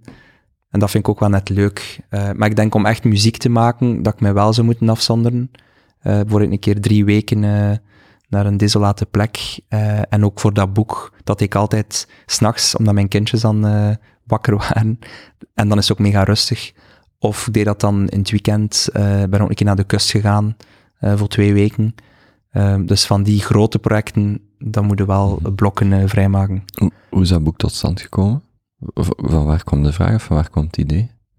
Eh, het idee kwam eh, van het verhaal dat ik heb gehoord over mijn eh overgrootvader.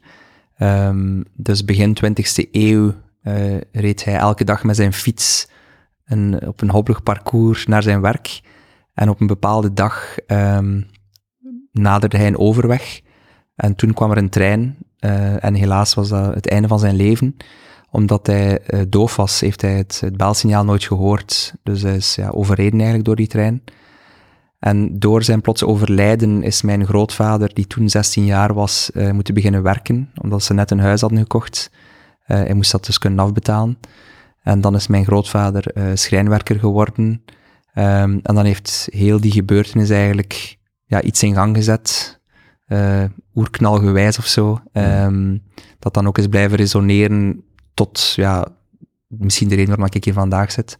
En ik vond dat verhaal zo heftig en ook ja, die impact van geluid, dat ik het ook verder ben gaan onderzoeken. Ehm, maar heel veel zat al in mijn hoofd, want ja, het boek ben ik beginnen schrijven drie jaar geleden. Ehm, en ik heb het ook zo opgevat van wat heb ik allemaal gezien en gehoord door te luisteren en geleerd over geluid. Ik ga dat nu een keer synthetiseren in een boek. Ehm, dus dat was de aanleiding, dat overlijden. Hm. Zijt jij dan naar de uitgever gegaan? Zijn zij bij u ge- terechtgekomen? Ehm, ik kende iemand bij eh, BNL en eh, ik had daar een lunch mee. En eh, hij vroeg, ja, hoe is het met u? En gewoon een beetje beginnen praten over koetjes en kalfjes. En toen is dat idee eigenlijk ontstaan van het boek. Ehm, die persoon zei van, ja, je moet daar iets mee doen. En de kracht van geluid, dat is onderschat. Daar is ook weinig literatuur over. Mhm. Ehm, dus het is eigenlijk spontaan ontstaan tijdens een lunch. Wat wou je, wat wou je met dat boek vooral benadrukken of delen? Wel, ehm, in het begin, bij zo'n ehm, ja, een, een opstart van een dergelijk project, is zo de eerste vraag, dat staat dan op een blad, wat is uw doelgroep? En eh, ik zei, ja, dat is heel dom wat ik nu ga zeggen, maar iedereen. Ja, maar dat gaat niet, een doelgroep. Ja, je moet segmenteren, dat moet heel duidelijk zijn. Zijn dat filmregisseurs? Is dat, zijn dat marketeers? Eh, zijn dat ehm, wetenschappers? En ik zei, ja nee, echt iedereen, want de kracht van geluid is voor mij onderschat. Dus ik wil liever weinig algemene mensen aanspreken dan iedereen binnen een bepaalde doelgroep. Hm. En uiteindelijk hebben we daarvoor gekozen. ehm, en ik geloof nog altijd dat dat de juiste aanpak is. Ehm, ja, het boek is niet eh, top 3 of zo van 2019. Het is in, ja, ook in september uitgekomen. Eh, maar ik heb dus liever dan een kleine impact of een grote impact bij weinig mensen Mhm. dan eh, En- zo die doelgroep. En wat wou je het liefst, wat was voor u de, de kern van de kracht van geluid, wat je met, was iets wat, je- wat je het misschien het meeste wilt dat een luisteraar bijblijft? Eh, sorry, een lezer bijblijft. Ja, ik zit, of ja, gaat Een- ook luisteraar lezer, zijn, ja. audioboek. ja, ik, Nee, ik had ehm, net over, eh, opgeschreven of er een audioboek was. hè. Ja, ja, nog niet. Nog Dan moet dat dus ook gewoon inlezen. Ja, want ik dacht, hoe klinkt een boek? En omdat we er nu over bezig zijn, een audioboek, want dat had ik niet gevonden. Ik, ik vond Ja, het ja, ik moet het nog doen, maar je moet echt wel achter de micro zitten gedurende uren. En ik was aan het denken over een creatievere vorm, podcastgewijs, om zoiets met Hmm. boek te doen, eerder dan eh, een droog audioboek. Er is, ehm, de, vorig jaar was voor mij zo het jaar van David Coggins dat ik die heb ontdekt. Zo, ook zo'n, eh, op Joe Rogan is hij geweest, een heel ins uh, inspirerend Instagram-kanaal. Die heeft dan een boek geschreven over zijn leven. En een audioboek, daar leest hem de hoofdstukken in, maar daarna gaat hij ook een gesprek met iemand anders om ook nog uitleg te geven bij die hoofdstukken. Het is een leuk format dat niet gewoon een droog audioboek Ah, is. zo idee. Maar dus hij leest het in, maar je komt ook gewoon meer te weten in het audioboek. En hij leest het volledige hoofdstuk in. Ja, hij leest, hij leest het zelf in en dan spreekt hij nog ehm, met iemand. eh, hij vertelt er nog extra over. Dus niet Ja, gewoon echt een audioboek één op één, maar het, is, het audioboek zelf is eigenlijk een, een extra werk bovenop, bovenop het boek zelf. Maar het feit dat ik het ook dus nog niet direct heb gedaan, eh, sluit ook aan bij ja, de, de boodschap of zo van het boek. Dus mensen zeggen mij dan direct van ja, maar het leent er toch, eh, het leent er zich toch net toe om met heel veel geluiden te werken. Maar dat is dus, eh, Mm. spoiler alert, het einde van het boek. Music is not in the notes, but in the silence in between. En de Mhm. quote van Mozart, dat hij ooit gezegd heeft volgens Google. Eh, maar als je het boek leest in stilte, dat vind ik net zo cool, die Mhm. verbeelding van die geluiden. Ehm, en dus dan ook ja, de, de boodschap naar de, de lezers of de luisteraars, van dat die stilte voor mij de toetssteen is. En dan zitten we ja, in de thematiek van, eh, van geluidspsychologie. Ehm, en dat is misschien wel mijn, mijn grotere missie dan in het leven. Dat is iets abstracter natuurlijk en iets moeilijker om te kunnen eh, bekomen. Maar je zit met heel veel noise eh, op restaurant, openbare plekken, Ja, want in bedoelt je je- leven. Ja, want bedoelt je het dan eerder op een metaniveau of eerder op een zeer concreet niveau van... Hmm, wacht, ik moet beter nadenken over mijn vraag. Wat bedoelt je daar precies mee? Wel, ik bedoel dat we als mens eh, oren hebben, maar dat we daar ja, te weinig bij stilstaan. Dat we dus constant geluiden aan het produceren zijn ook, dat er heel veel prikkels zijn. Ehm, en als je er een keer op let, eh, vanavond of op een ander moment, en je bent op een publieke plek, of je bent misschien zelf thuis, hoeveel niet-relevante geluiden dat er zijn, en wat dat doet met u, dat je daar stress door krijgt, dat er cortisol wordt aangemaakt als de stofzuiger bezig is, terwijl de radio aanstaat, terwijl dat je kind aan het huilen is, terwijl dat je telefoon afgaat, terwijl dat er nog een keer muziek op zet. Hmm. Dus ja, doe een beetje aan geluidspsychologie dan, eh, ruimtelijke geluidsordening, ehm, omdat dat gewoon je leven veel kwalitatiever Ja, gaat maken. Denk erover na in je privéleven. Ja, en ook eh, vanuit eh, overheden en vanuit ontwikkelingen en projecten rond gebouwen en architectuur. Meestal is het visueel en het esthetische, maar auditief zijn er heel weinig goed klinkende openbare ruimtes of restaurants. Ehm, Hoe maak je een, een ruimte... Hoe, hoe denkt... Ik spreek dan vanuit het eh, perspectief van een individu, hè, Mhm. voor een restaurant bijvoorbeeld. Maar hoe denk je dan over een, een ruimte ehm, audiovisueel, of in dit geval auditief, eh, cleaner of zuiverder te maken? Of, of minder ruis, meer signaal, zoiets? Hoe, hoe, doet, hoe probeert jij dat zelfs? Ehm, maar ik heb er zelf nog geen ontwikkeld, maar ik ken wel eh, iets van de theorie erachter. Ehm, kijk nu voor ik naar deze ruimte. Dus dat is eh, in baksteen en ja, een soort betonnen vloer. En je hebt al een beetje behandeld met een akoestisch paneel, zie ik daar. En hierboven ook is dat wel goed. Ehm, maar architecten denken daar veel te weinig over na. En zij kiezen dus eh, materiaal en esthetica boven functie. Niet allemaal, hè, maar er zijn heel Mhm. veel voorbeelden.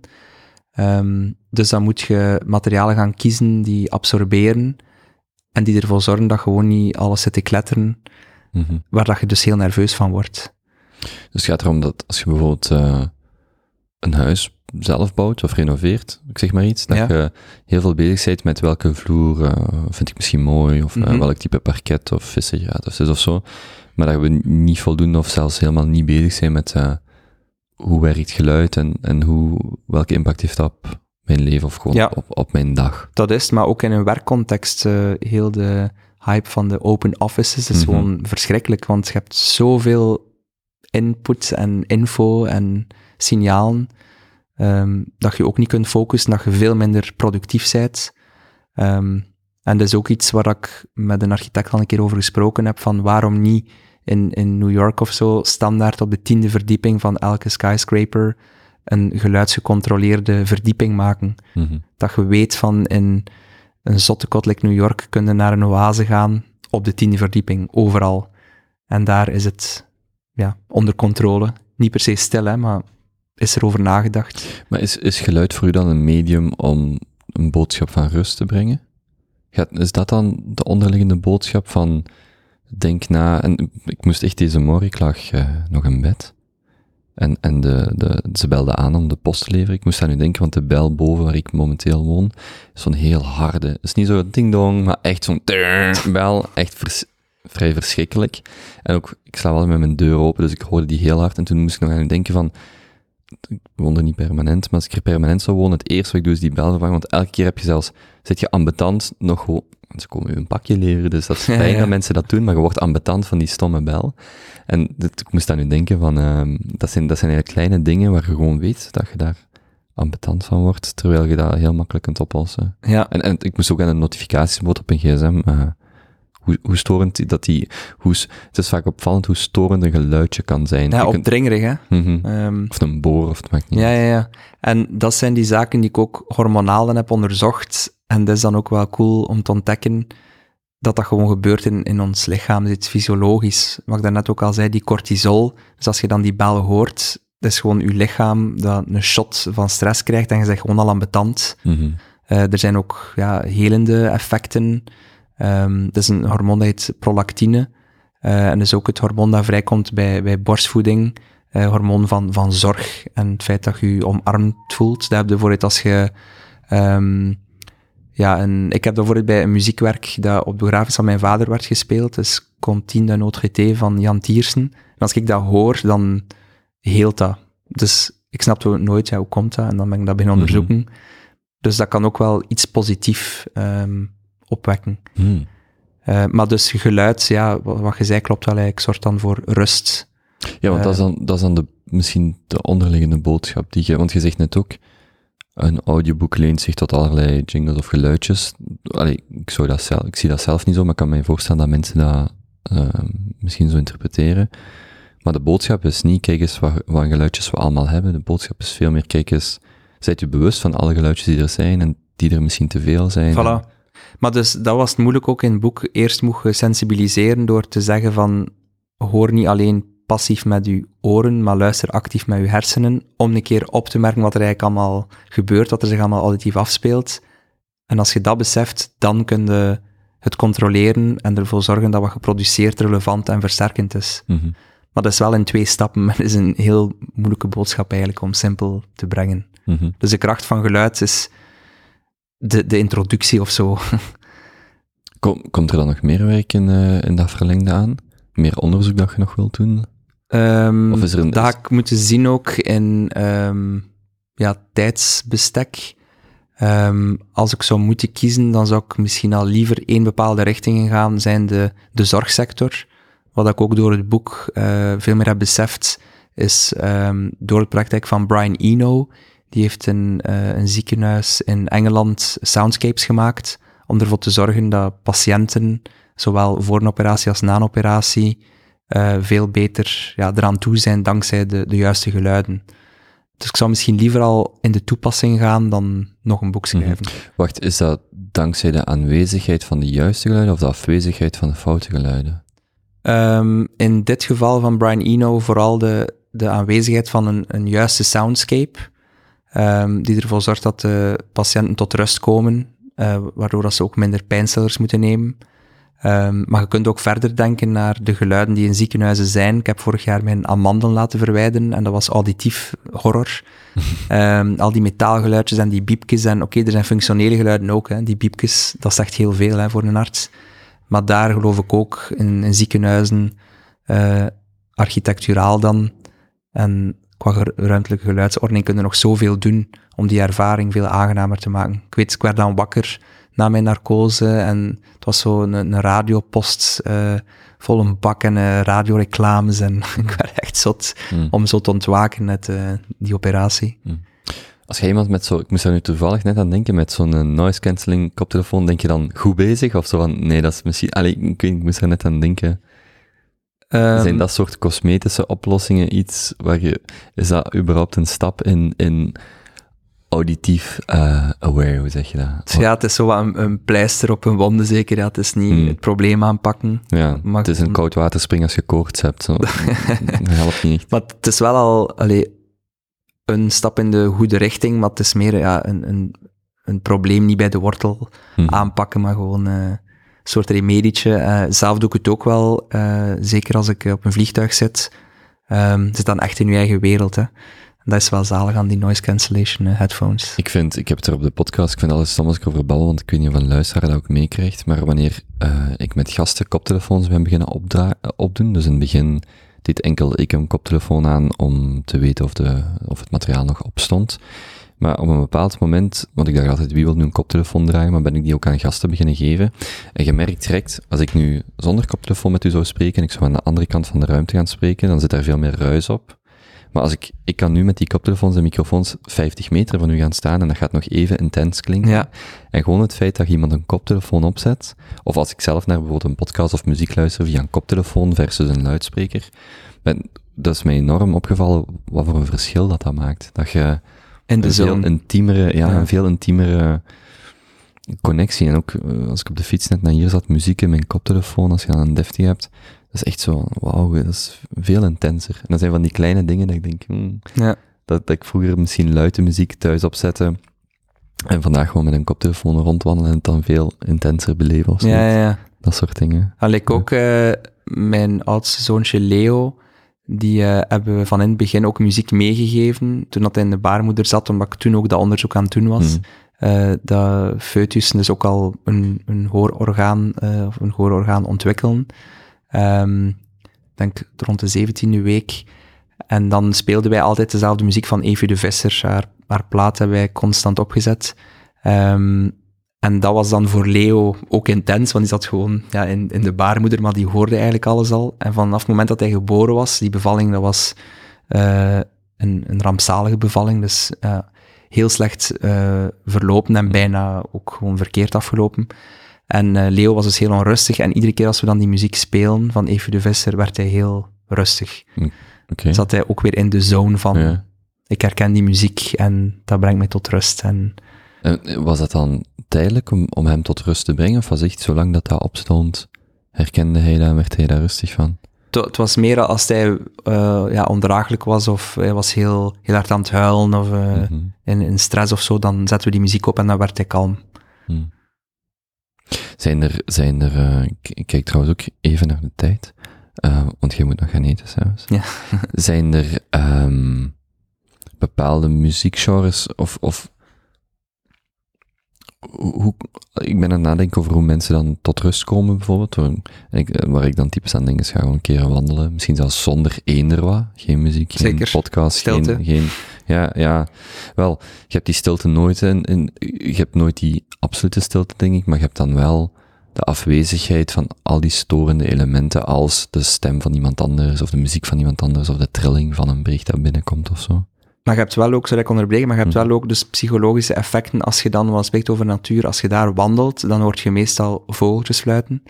En birdsong, dat is ook bewezen, dat geeft ons eigenlijk een gevoel van veiligheid, van rust, omdat vroeger, ehm, ja, als de vogeltjes stoppen met fluiten, dan was er meestal een dinosaurus, een Mhm. T-rex, of een tsunami, of een earthquake of zo. Mhm. Ehm, dus als we dat horen, dan weten we van we zijn veilig.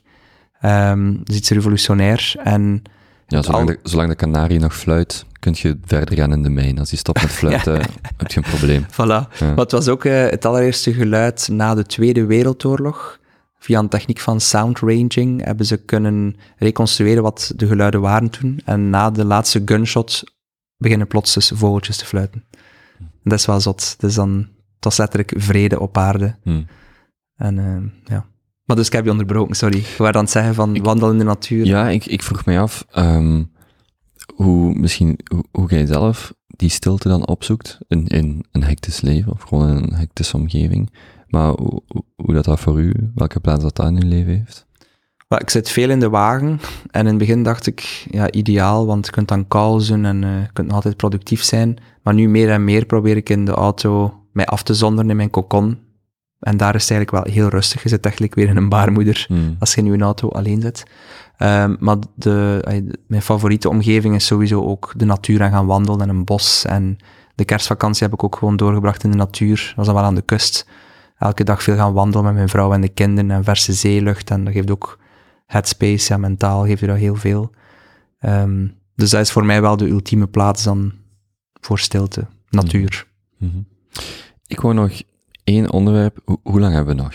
Wat kan ik kijken, hè? maar ik vind Ja. het wel vrij tof, dus ik wil zeker nog even blijven. Ehm, Want ik wil graag nog een, een onderwerp eh, aansnijden. graag, ik ga gewoon nog één keer kijken hier. Ja. Waze, ehm, hoe ver dat De is. onvoorspelbaarheid van eh, de file. Ja, inderdaad. En Waze, waar dat je soms naartoe stuurt. Ja. die kleine boerenholen, maar dat is ook wel een keer tof om te zien. Ehm, Die grap is dat je zelfs nog moet terugkomen. ja, inderdaad. Maar ik heb wel zeker nog 20 minuten. Oké, oké. Ik zit dan ook, eh, ik heb hier de fout gemaakt om te veel te drinken voor een babbel. En Dus je moet naar het toilet. ik, ik voel de limiet van mijn blaas. Maar het gaat wel. Ik, ben, ik weet dat ik bij Deli ben ik in de babbel moeten opstaan. Ik zeg, ik, ik, ik moet echt na anderhalf uur of zo. Ik zeg, ik moet nu gaan plassen, neemt jij het maar over. En sindsdien heb ik dus geleerd dat ik ehm, niet, een niet meer dan één tas moet Ik heb daar ook mega veel last van met mijn broer, ook tijdens draaien. Soms Ah, ja. moest ik gewoon weg. Ja. En ook tijdens mijn examens in de rechten. ehm profen dachten echt dat ik een zware speaker was. Want ik zei, ja, ik moet naar het toilet. Maar die hadden zoiets van, hoe kan dat nu? We zijn nog maar een kwartier bezig. Mhm. En ik zei, ga mee. ja. ik moet echt naar het toilet. Dus eh, ik heb ook een En- kleine blaas.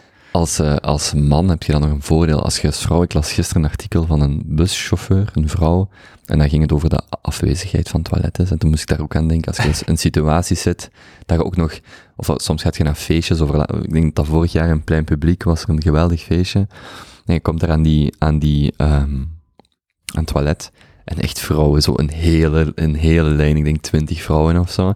En gasten lopen daar gewoon binnen. En ik zei, ik kwam terug buiten, ik zeg tegen een van die vrouwen van die, dus je had de urinoirs en had je de vaste toiletten. Ik zeg, ga daar gewoon binnen, want ik dacht, als ik zo dringend moet plassen en ik moet eerst wachten dat hier twintig man op een zittend toilet is geweest, geen, geen, geen petje. Ja, mijn vrouw kijkt altijd raar naar mij als ik eh, thuis ehm, gewoon zo tegen een boom of in de natuur mijn ding doe. Meestal nummer één natuurlijk. Eh, maar ze zegt, allee, waarom doe je dat? We hebben toch een toilet? Maar ik vind dat gewoon Mm, zalig, dat gewoon even zo in alle vrijheid. mm. Dus we hebben zeker een voordeel eh, als man, dus iets praktischer om... Ik wou, waar ik nog, er was een, er was een quote eh, van u op, eh op ulegend.be, was er een artikel over u, of met u, en ehm dat was een quote. Het is een van de belangrijkste tips die ik mijn collega's geef. Bedenk wie je allemaal van ver of dichtbij kent en contacteer die. Je zult verrast zijn. En ik denk dat thema misschien, voor de babbel zei ik u dat ook, dat, dat als iemand tegen u zegt, zeg, die moet je eens ontmoeten, of die persoon, ehm zou je mee kunnen samen professioneel of soms ook privé iets doen. Ik wou met u babbelen over de, die kracht misschien van dat netwerk of van, of van u te omringen met de juiste mensen. Ik weet ook niet of dat de context per se was van die quote of wat, wat voor u de, de connotatie is van, van die quote, maar dat is hoe dat ik dat, van dat citaat, maar dat is hoe dat ik dat interpreteer. ja, Of waar ik dan link. Wel, ehm, de context is de start eh, toen nog eh, Roundhouse. Eh, ik was alleen en dan Pieter Jan erbij en dan netwerk aan muzikanten, dat ik zei. Maar wat de nood aan nog meer mensen in het team, aan de vaste basis. En dan moet je dus starten met u te laten omringen met, met de juiste mensen. Maar wat is dat dan, de juiste mensen? Zijn dat mensen die complementair zijn, die u tegenspreken, omdat er door frictie hogere toppen ontstaan of zo? Of hoe moet je dat dan benaderen? En dan was voor mij de rode draad eh, cultuur. Mensen met dezelfde waarden, niet per se hetzelfde type mens. Je hebt daar van die persoonlijkheidstesten. Mhm. Dus je zoekt dan mensen die anders zijn dan nu, maar wel met dezelfde cultuur, dezelfde soort integriteit, dezelfde kijk op eh, wat ik zei, die normen en waarden. Ehm, en dan was de eerste persoon bij mij Steven. En ik belde die op. ehm, en ik zei aan Steven, eh, jij verkoopt nu katten- en hondenvoer. Ik zei, ik snap het niet, want ik ken u als supergoeie DJ, als ja, gepassioneerde mens rond muziek. Why the fuck, sorry, why the fuck, Mhm. zei hij kattenbrokken en hondenbrokken aan het verkopen. Ja, ja, waarom, waarom? Ik zei, ja, komt gewoon bij mij een team en doe iets met je passie. Eh, en dan zei hij, ja, maar ik, ik ken ook niemand in dat wereldje. En vandaar die quote dat ik zei van, kijk een keer rondom je, gaat ervan verschieten. Wie dat je kent, dat je kan inspireren.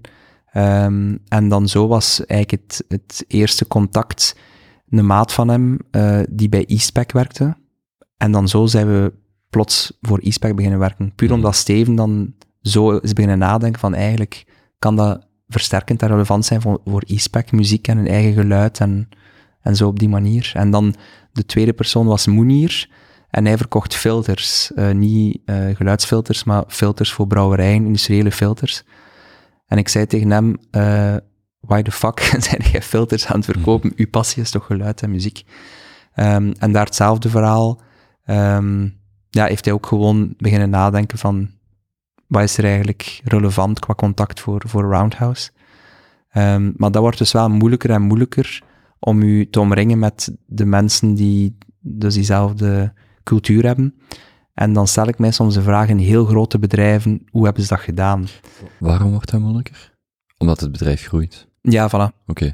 Okay. Um, en je hebt er misschien ook minder vat op. En dat is dan ook iets waar ik echt over waak, dat ik een persoonlijk contact heb bij iedereen in het team. En dat ik ook um, heel dicht bij heel dat HR-luik sta. Dus ik zou nooit willen toelaten dat er uh, mensen aanvaard worden in het team die ik niet zelf heb ontmoet en waar ik geen persoonlijk gesprek mee heb gehad. Je moet dat voelen. Mm -hmm. En ik zie dat ook meer en meer, dat de ja, mogelijke klanten van, van Sonhouse, um, ze noemen dat dan een chemistry meeting willen doen. Ik heb dat ook al gehad met een, een Duitse klant van ons. Met een Duitse ja. chemistry meeting. Ja, dus... Klinkt, klinkt, klinkt dat heel, een slechte grap of een goede grap. ja, ja. Nee, uh, dus ik heb um, vier uur gereden om die mensen te ontmoeten en die, die wou mij gewoon een keer een kwartiertje zien en voelen. En dus ook geluid, hè, dus ook vibes en frequenties, mm -hmm. maar ik vond dat wel heel belangrijk. Uh, allee, hij vond dat belangrijk, maar ik heb ingezien dat het heel belangrijk is. Dus ik probeer ook zoveel mogelijk e-mailcontact te vermijden. Ik zeg ook altijd tegen mijn collega's van, neem nu een telefoon en liefst van al ga iets persoonlijk gaan zeggen. Mm -hmm. Want een e-mail vandaag is echt zo like een communicatiemiddel geworden. Voor mij is dat nog altijd een soort praktisch ding of een recap, of, maar niet een basiscommunicatie. Belde over laatst iemand die zei, amai, je belt. Je had ook een berichtje kunnen sturen. Ik zei, nee, nee, ik bel u, want dat is, ik vind dat belangrijk. En ik wil je stem horen. En, Sowieso. En zo, ah ja, ah ja, dat is wel aangenaam. Ik zei, ja, ja, ja. zeker is dat aangenaam. Want dat raakt ook letterlijk, hè. Dus als mm -hmm. je, dat is ook weer geluid. Um, nee, dus dat, dat, dat persoonlijk contact um, is gewoon mega belangrijk. En dus ook bij aanwerving van nieuwe mensen vind ik dat cruciaal om die te voelen. Zelf al is het maar vijf minuten. Hoe is dat in je privéleven? Hoe trekt je die lijn door? Bij bijvoorbeeld de, de mensen die je daar omringen? Um, ja, dat is ook iets bizar, hè, omdat je... Want je moet enorm veel mensen zijn tegengekomen, uh, zowel in de periode dat je nog draaide, als nu in de periode uh, als ondernemer. Maar hoe, hoe vind je daar een balans tussen de mensen die je omringen? Wel, je hebt het woord balans uitgesproken dan start ik altijd van mijn five balls of life. Uh, dus dat is uw, uw vrienden, uw familie, uw gezondheid. Ah, ik dacht dat je nu bal van het zoete, bal van de ja, nee, daar, daar, komen we nog toe. Nee, dat zijn uw, uh, uw, uw, vrienden, uh, uw familie, uw gezondheid, uw integriteit en uw werk. Dus die vijf zijn er voor mij om dan een balans te maken. Um, maar nu, als je jongleert met die ballen, die eerste vier, die zijn van glas. hmm. En als je die laat vallen, dan kan er een barsting komen. Of zijn ze gewoon helemaal kapot. Vriendschappen die er niet meer zijn. Echtscheiding, gebeland in het ziekenhuis. Je hebt gelogen tegen iemand of je hebt iets helemaal fout gedaan. Dus je kunt niet meer echt in de spiegel kijken. Je bent niet oké met jezelf, je bent niet integer geweest. Dus die vier zijn van glas. Die laatste werk will always bounce back, dus rubber. Dus dat is voor mij wel heel belangrijk geweest om dat in te zien van dat werk kan wel even wachten, want anders blijft het gewoon knallen. Hmm. Um, en dan binnen die eerste vier ballen uh, van glas, die een balvriendschap, um, dat is een super moeilijke, omdat je um, ja, met een tijdsverloop zit in je leven waar dat je in een andere context komt. Dus ik ben nu vader. Uh, de meeste van mijn vrienden zijn nog geen vader. Dus die hebben zoiets van, saaie gast, we zien hem niet. Uh, hij zit zo constant thuis met zijn vrouw en zijn kinderen. Maar zij begrijpen ook niet altijd um, wat dat inhoudt, vaderschap. En dat je er ook gewoon moet zijn voor je kinderen en je gezin. dus dat begint dan ook te evolueren, waardoor dat je dan andere mensen leert kennen die ook vader zijn. Dus ik mis nu wel eigenlijk mijn vrienden van mijn studententijd, omdat we in een andere levensfase zitten. Maar ik weet dat gaat terugkeren, want die worden dan ook vader. En dan ga ik die weer plots meer beginnen zien. En dan gaan wij iets saai doen. Dan gaan wij de zondagmiddag om drie uur een pannenkoek gaan eten met chocomelk. Terwijl dat vroeger was van, we gaan naar een bal. Mm, um, en in dat opzicht laat ik mij ook wel omringen door mensen die uh, opnieuw diezelfde cultuur hebben, die mij ook inspireren, die vooral heel eerlijk zijn tegen mij. Uh, en die zeggen van, fuck, we hebben nu gedaan, of dat is mega dwaas, of die mij echt wel ja, helpen om te relativeren. Maar ik sta wel open voor ontmoeting en ik vind het super leuk om nieuwe mensen te ontmoeten, dat ik u nu ontmoet heb. En ik hoop dat we contact gaan blijven houden, dat vind ik zalig. Uh, om op dat pad wel, ja, dus nieuwe mensen te leren kennen. Maar natuurlijk, ja, dat is niet, niet eindeloos, want je kunt niet voor iedereen blijven goed doen en iedereen blijven zien. Dus dat is wel het motto dat je dan aan de andere kant ook wel wat mensen minder begint te zien. Maar sowieso, ja, die beste vrienden, dat zijn er maar een paar. Hè. Dat is cliché, maar ja. Mm Op één hand tellen, dat klopt wel. En um, dan in de, als het over de familie gaat, of dat je, ik, ik weet niet of daar ook nog echt een verschil zit. Maar heb je dan bijvoorbeeld met uw vrouw echt dat je samen zit en hoe gaan wij onze tijd indelen, of hoe gaan wij, is er een afspraak of een idee rond, bijvoorbeeld als je in een relatie zit en je bent nog aan het, aan het uh, draaien, of je hebt heel drukke periodes, hoe, hoe gaat dat gesprek dan bij jullie? Van, we proberen tenminste elke dag te ontbijten samen, of we gaan uh, die reis of die periode hebben tijd voor elkaar. Hoe, hoe is dat in die drukte dat er is? Dus ook ergens uh, een theorie. Uh, meestal de zondagavond overlopen onze agendas. En in de regel, uh, dus theorie, ga ik elke ochtend de kindjes afzetten aan school en aan de crash. Um, maar daar komen vaak dingen tussen, waardoor ik het dan toch niet doe. Um, of je spreekt af van, we gaan dan met ons twee iets gaan eten. Of we gaan uh, binnen drie maanden, de vrijdagavond daar, uh, in april gaan we uitgaan. Dus je moet alles zodanig plannen, waardoor dat er soms ook spontaniteit verliest. Of dat geforceerd is, of dat er plots iets tussenkomt, je kind is ziek. Hmm. Um, dus het is heel moeilijk om uh, te plannen in een gezin. Um, en dan begint je opnieuw het begrip familie te waarderen. En dan hebben ze zoiets van, ah ja, nu snap ik waarom dat mijn ouders vroeger zo zeiden, alleen je moet mee op skivakantie en je mag niet met de scouts of met je maten mee, je moet een keer met ons mhm. mee. had zoiets van, zo saai met mijn ouders. Maar die familiale waarden, ja, dat vind ik wel mhm. heel cool om dat nu ook te zien, hoeveel deugd dat dat doet. Uh, dat die familie wel super belangrijk is. Ja, het familiaal heeft iets onvoorwaardelijk, wat een vriendschap nooit kan, of heel moeilijk kan hebben. Een vriend, zelfs een relatie benadert dan misschien nog het dichtst, of dat is mijn, gelijk, u, eh, in mijn geval, mijn ouders en mijn broer, ja, ik heb er daar maar drie van. En dat is onvoorwaardelijk in de zin van, als die morgen weg zijn, ja, je kunt, vrienden kunt je, of de rol dat vrienden hun leven spelen, kunt je benaderen door nieuwe mensen te leven. Gelijk wat jij zegt, die vriendschappen komen en gaan, en sommige komen terug en sommige blijven weg. Maar ja, ouders, grootouders, uh, andere gezinsleden, daar zijn er maar een paar van, hè. Ja, ja. En je kunt dat, dat is moeilijk om dat te verplaatsen. En ik vind dat, dus dat wat je net zegt, van dat tijd vrijmaken voor elkaar, voor misschien maandelijks eens een keer te brunchen allemaal samen, of die vakantie doen één keer per, per jaar, waar je vorig jaar, uh, waar in het verleden misschien zei, ja, hoeft dat nu, we zien elkaar toch al. Maar je zegt nee, dat je echt zegt van nee, we maken daar tijd voor, dat is belangrijk. Ik weet niet of ik echt een punt heb. Ja, ja, dat, uw punt is uh, dat, dat familie uh, onderschat wordt als rol in het leven en als je ouder wordt uh, en, en gegroeid um, en je neemt dan meer risico's en um, je wilt nieuwe dingen proberen dat je dus nooit hebt gedaan, of hè, wat in het begin van het gesprek zeiden, mensen ontmoeten dat je naar opkijkt van shit, dat is niet comfortzone. Um, in die wereld waar dat je groeit, zie je dat er heel veel wolven zijn en dat de, de wereld gewoon heel cruel is. Dus ik, ik, heb ook al veel dingen tegengekomen dat ik zeg van, hé, maar dat kan nu toch niet, wat er hier aan het gebeuren is. Hmm. Is de mensheid nu zo slecht?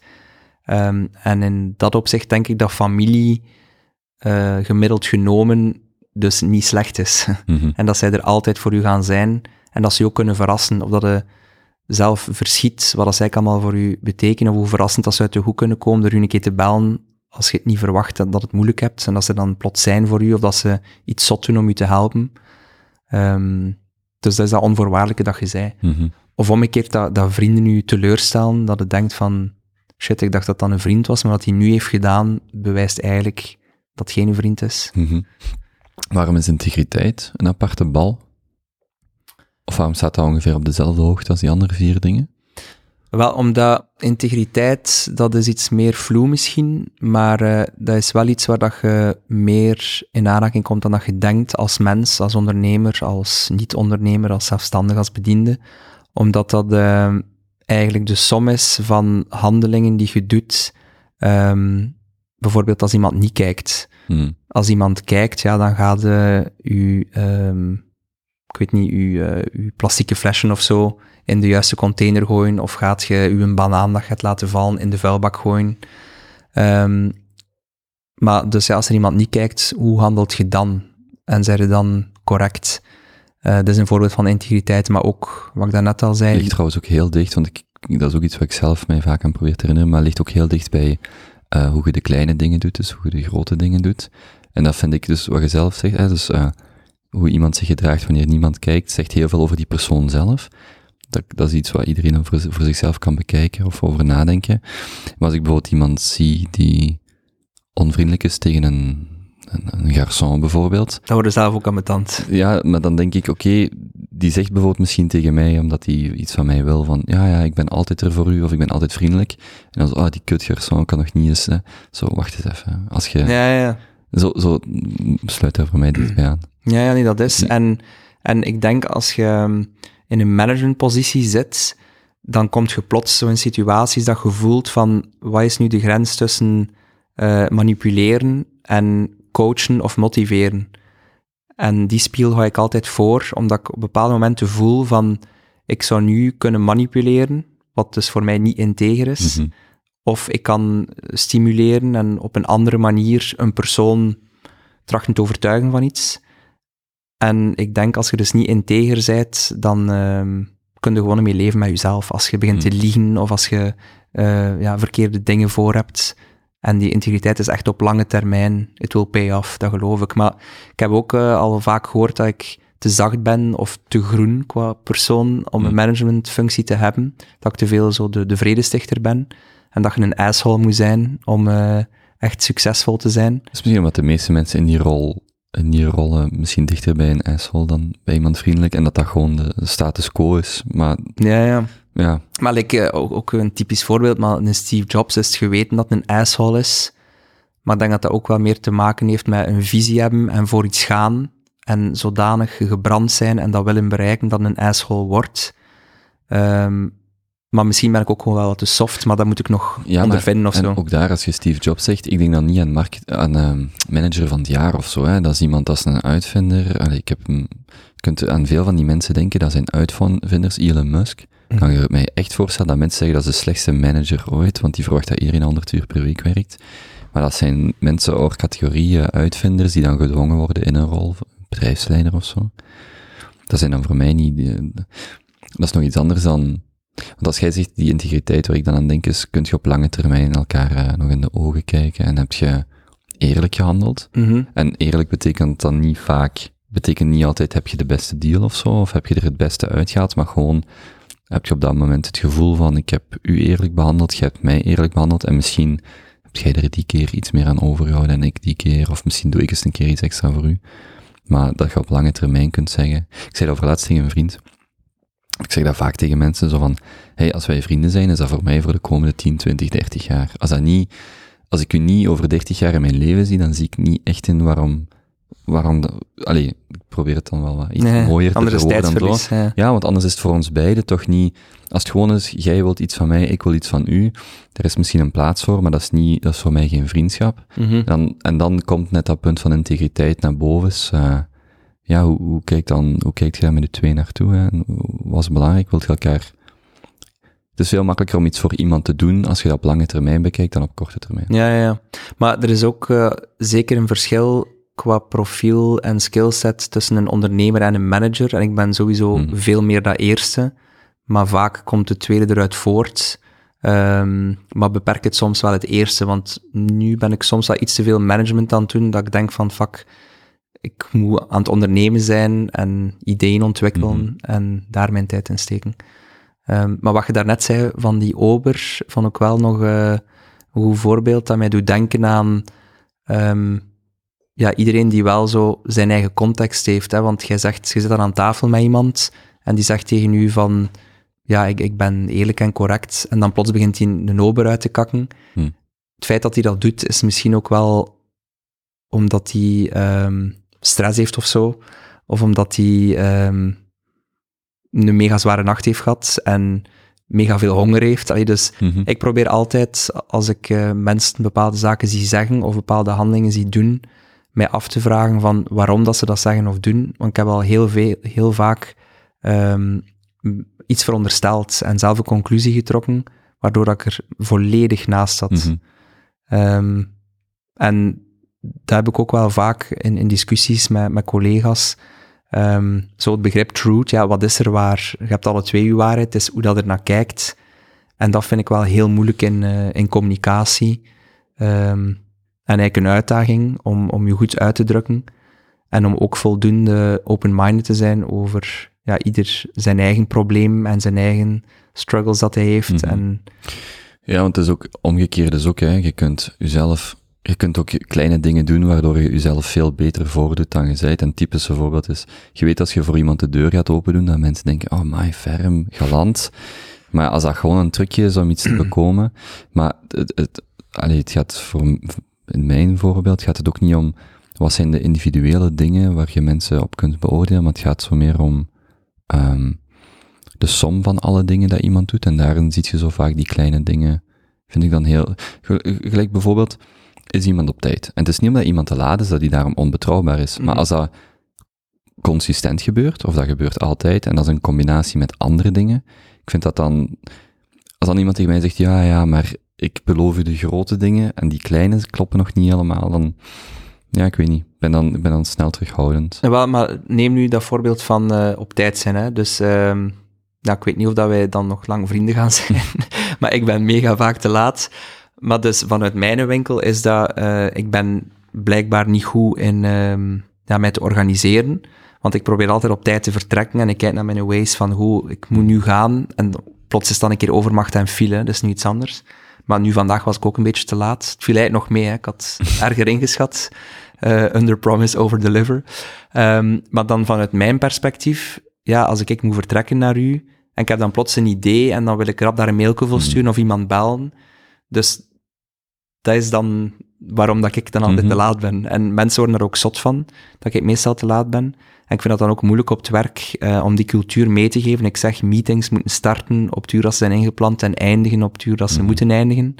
Eh, want anders ja, loopt alles in, in het honderd en meetings zijn er altijd veel te veel. En ja, als je met vijf man in, een- in een meeting zit van een uur, ja, is het eigenlijk vijf uur. Mhm. Ehm, en ik moet daar dus ook een voorbeeld geven. En dat zijn dan effectief die kleine zaken dat je zegt, waar dat je dan... Ja, want, want het zijn voor alle duidelijkheid het zijn geen absoluten. Hè? Het, is, het is niet Nee, van, nee. het is omdat iemand bijvoorbeeld te laat is, dat je daarom, want dit zijn discussies die ik vaak met vrienden heb, ik moet op. Het gaat niet om de absolute, het gaat eerder om zo, en, en misschien ook nog meer, er is ook dan weer heel duidelijk een verschil tussen een vriendschap of een relatie en een professioneel contact bijvoorbeeld. Bij mij ging Mhm. het ook vooral zo als je iemand pas leert kennen of, of wat, je, wat ik bijvoorbeeld leer met die podcast te maken, en dan gaan we echt afronden, zie ik. Wat ik leer is dat je nog u te veel mocht laten meeslepen door iemand, van wauw, die is geweldig, of je, spreekt met iemand en vrienden zeggen van wauw, heb je daarmee kunnen spreken? Laat u niet te veel meeslepen. Maar ook aan de andere kant, vorm niet een te negatief beeld over iemand al op voorhand, gewoon be- bekijk die persoon zodat die is, zonder die absolute van, die moet wel tof zijn, of die moet wel grappig, of die moet wel, er is al lang over, dat is daar het beste voorbeeld van, van, daar hebben mensen heel veel een mening over, en het is aan de hand van een aantal gesprekken dat ik heb gedaan, dat je echt leert van, bekijk die persoon gewoon zoals die is, Geeft je een kans. hè. geef die een kans, maar, en, en ga niet in de verleiding om echt mee te gaan van, die is geweldig, of die is verschrikkelijk. Lu- Luister naar die persoon, babbel daarmee, en niet alleen Dries, hè, gewoon in het algemeen. En, ja, dat je, dus opnieuw, dat dat geen, dat is niet absoluut, maar Mhm. Dat je dan weer zo ziet van, je probeert snel in te schatten van, hoe, hoe is iemand? En dat zijn vaak zo voor mij die, die kleine dingen. En dan heb je die, die quote van eh, Warren Buffett, denk ik, hè, de drie I's, de, waar hij op let met zijn eh, collega's of werknemers, eh, interest, intelligence en dan integrity. Ja. En dat is ook een mooie trifecta om, om, dat is een mooie lens om mensen door te bekijken, want die interest en intelligence zijn iets duidelijker, vind ik, maar je integriteit is ook maar iets wat met de tijd ja, ja. duidelijk wordt. Maar het is een heel mooie lens om naar mensen of naar uw collega's of uw werknemers te kijken van hoe scoren, of hoe, denk, hoe vind ik dat zij in die, op die drie vlakken, welk gevoel geven ze mij? En dat is mooi om mensen zo te Wel, beoordelen. maar wat dat hij denk ik ook een keer heeft gezegd, is, ehm, ik ga het nu in Nederlands zeggen, dat jaren duurt om, eh, op een, om een reputatie op te Mhm. bouwen. Eh, en dat het dus op één seconde ja. kunt verliezen. En dat vind ik ook wel hard in deze wereld, maar dat zorgt er ook voor dat je moet blijven waken over die, die integriteit. Mhm. Ehm, en dat is ook iets dat, dat heel vaak voorvalt, helaas, maar bedrog. Dus als ik, ik eh, mijn, mijn vrouw zou bedriegen, ehm, ja, dan, dan, dan zegt dat gewoon iets over mij. Mhm. En dan heb je plots ja, al die, die jaren in, in het lijntje gelopen, zijn er integer geweest, en dan plots doe je iets waardoor dat mensen een totaal ander beeld over u hebben. En door die handeling, ja, dan mogen je nog zijn wat je wilt, je hebt dat gedaan. Mhm. Ja. Dus dat is wel ook iets dat daar... eh, Doet mij, dat is misschien een, een, een onderwerp voor als er eh, ooit een tweede babbel zou komen, maar die, ik probeer heel veel na te denken over die asymmetrie tussen iets opbouwen en iets afbreken. En dat is exact dat. Bijvoorbeeld, je kunt jarenlang aan een huis werken dat gebouwd en een, kraan breekt het op één dag af. Of je kunt jarenlang een kind opvoeden en ineens overlijdt dat kind om welke reden. Je kunt jarenlang een relatie hebben en ineens springt dat af. En er is altijd die asymmetrie tussen het goede en het slechte. En dat vaak het slechte veel veel meer aan. Ik kom terug op, we hebben het er in het begin over gehad, hè, misschien, eh, waar, ging het exact over? Dat je zo, we het begin gehad over dat, sommige dingen dat op je hoede moet zijn. Ja, ik ben het kwijt, als, ik het ga herbeluisteren, ga ik weten wat het Hm. is. Maar zo die asymmetrie, dat soms het opbouwen van een reputatie duurt veel langer dan het vernielen van een reputatie en dat dat u op een of andere manier beïnvloedt dat uw, uw keuzes en uw gedrag. Ja, ja. Maar ik denk wel, als je dan, eh, als iets is afgebroken, een beetje ja, Phoenix-gewijs, uit, uit de assen rijst er dan wel iets anders voort. Ehm, dus het is niet per se slecht dat iets wordt afgebroken. Want ik had daar ook wel moeite mee eh, bij Roundhouse, dus door die fusie dan, ja, het huis dat ik gebouwd had en dat voor mij eigenlijk heel goed zat, moest ik ook afbreken Mhm. voor een nieuw huis. En ik moest dan weer van nul beginnen. En ik heb daar heel lang over nagedacht van, is dat wel verstandig? Ehm, en uiteindelijk ja, is het goed uitgedraaid. Maar het is op dat moment ook wel ja, een, een risico weer. Eh, en ik denk dat ja, daar ook weer mee te maken heeft, hè, met, met risico's nemen. Mhm. Ehm, maar afbraak ja, is niet per se altijd slecht. Maar het is wel zot hoe, ehm, hoe genadeloos dat is. Hmm. Ik zou daar, ik zou, ik zeg, ik zou daar nog graag dieper op ingaan, want zeker ook met uw achtergrond in de showbiz, ik denk dat er heel veel eh, anekdotes of, allee, dat je daar, dat je gewoon weet waarover je spreekt. Ja, ja. Zo. Ehm, nee, maar het is zes uur.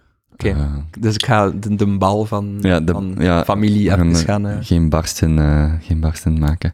Ehm, merci Cedric, ik vond, het, ik vond het heel aangenaam. Is ook mega tof. Ik hoop dat ik een keer mag terugkeren en dat we echt samen het bal van Limburg of van Hasselt gaan organiseren. Ik zou dat vreed tof vinden. Ik ga er eens over nadenken. Het zou, het iets uniek zijn. Oké. Oké, Dankjewel. merci, Jacob. Yo.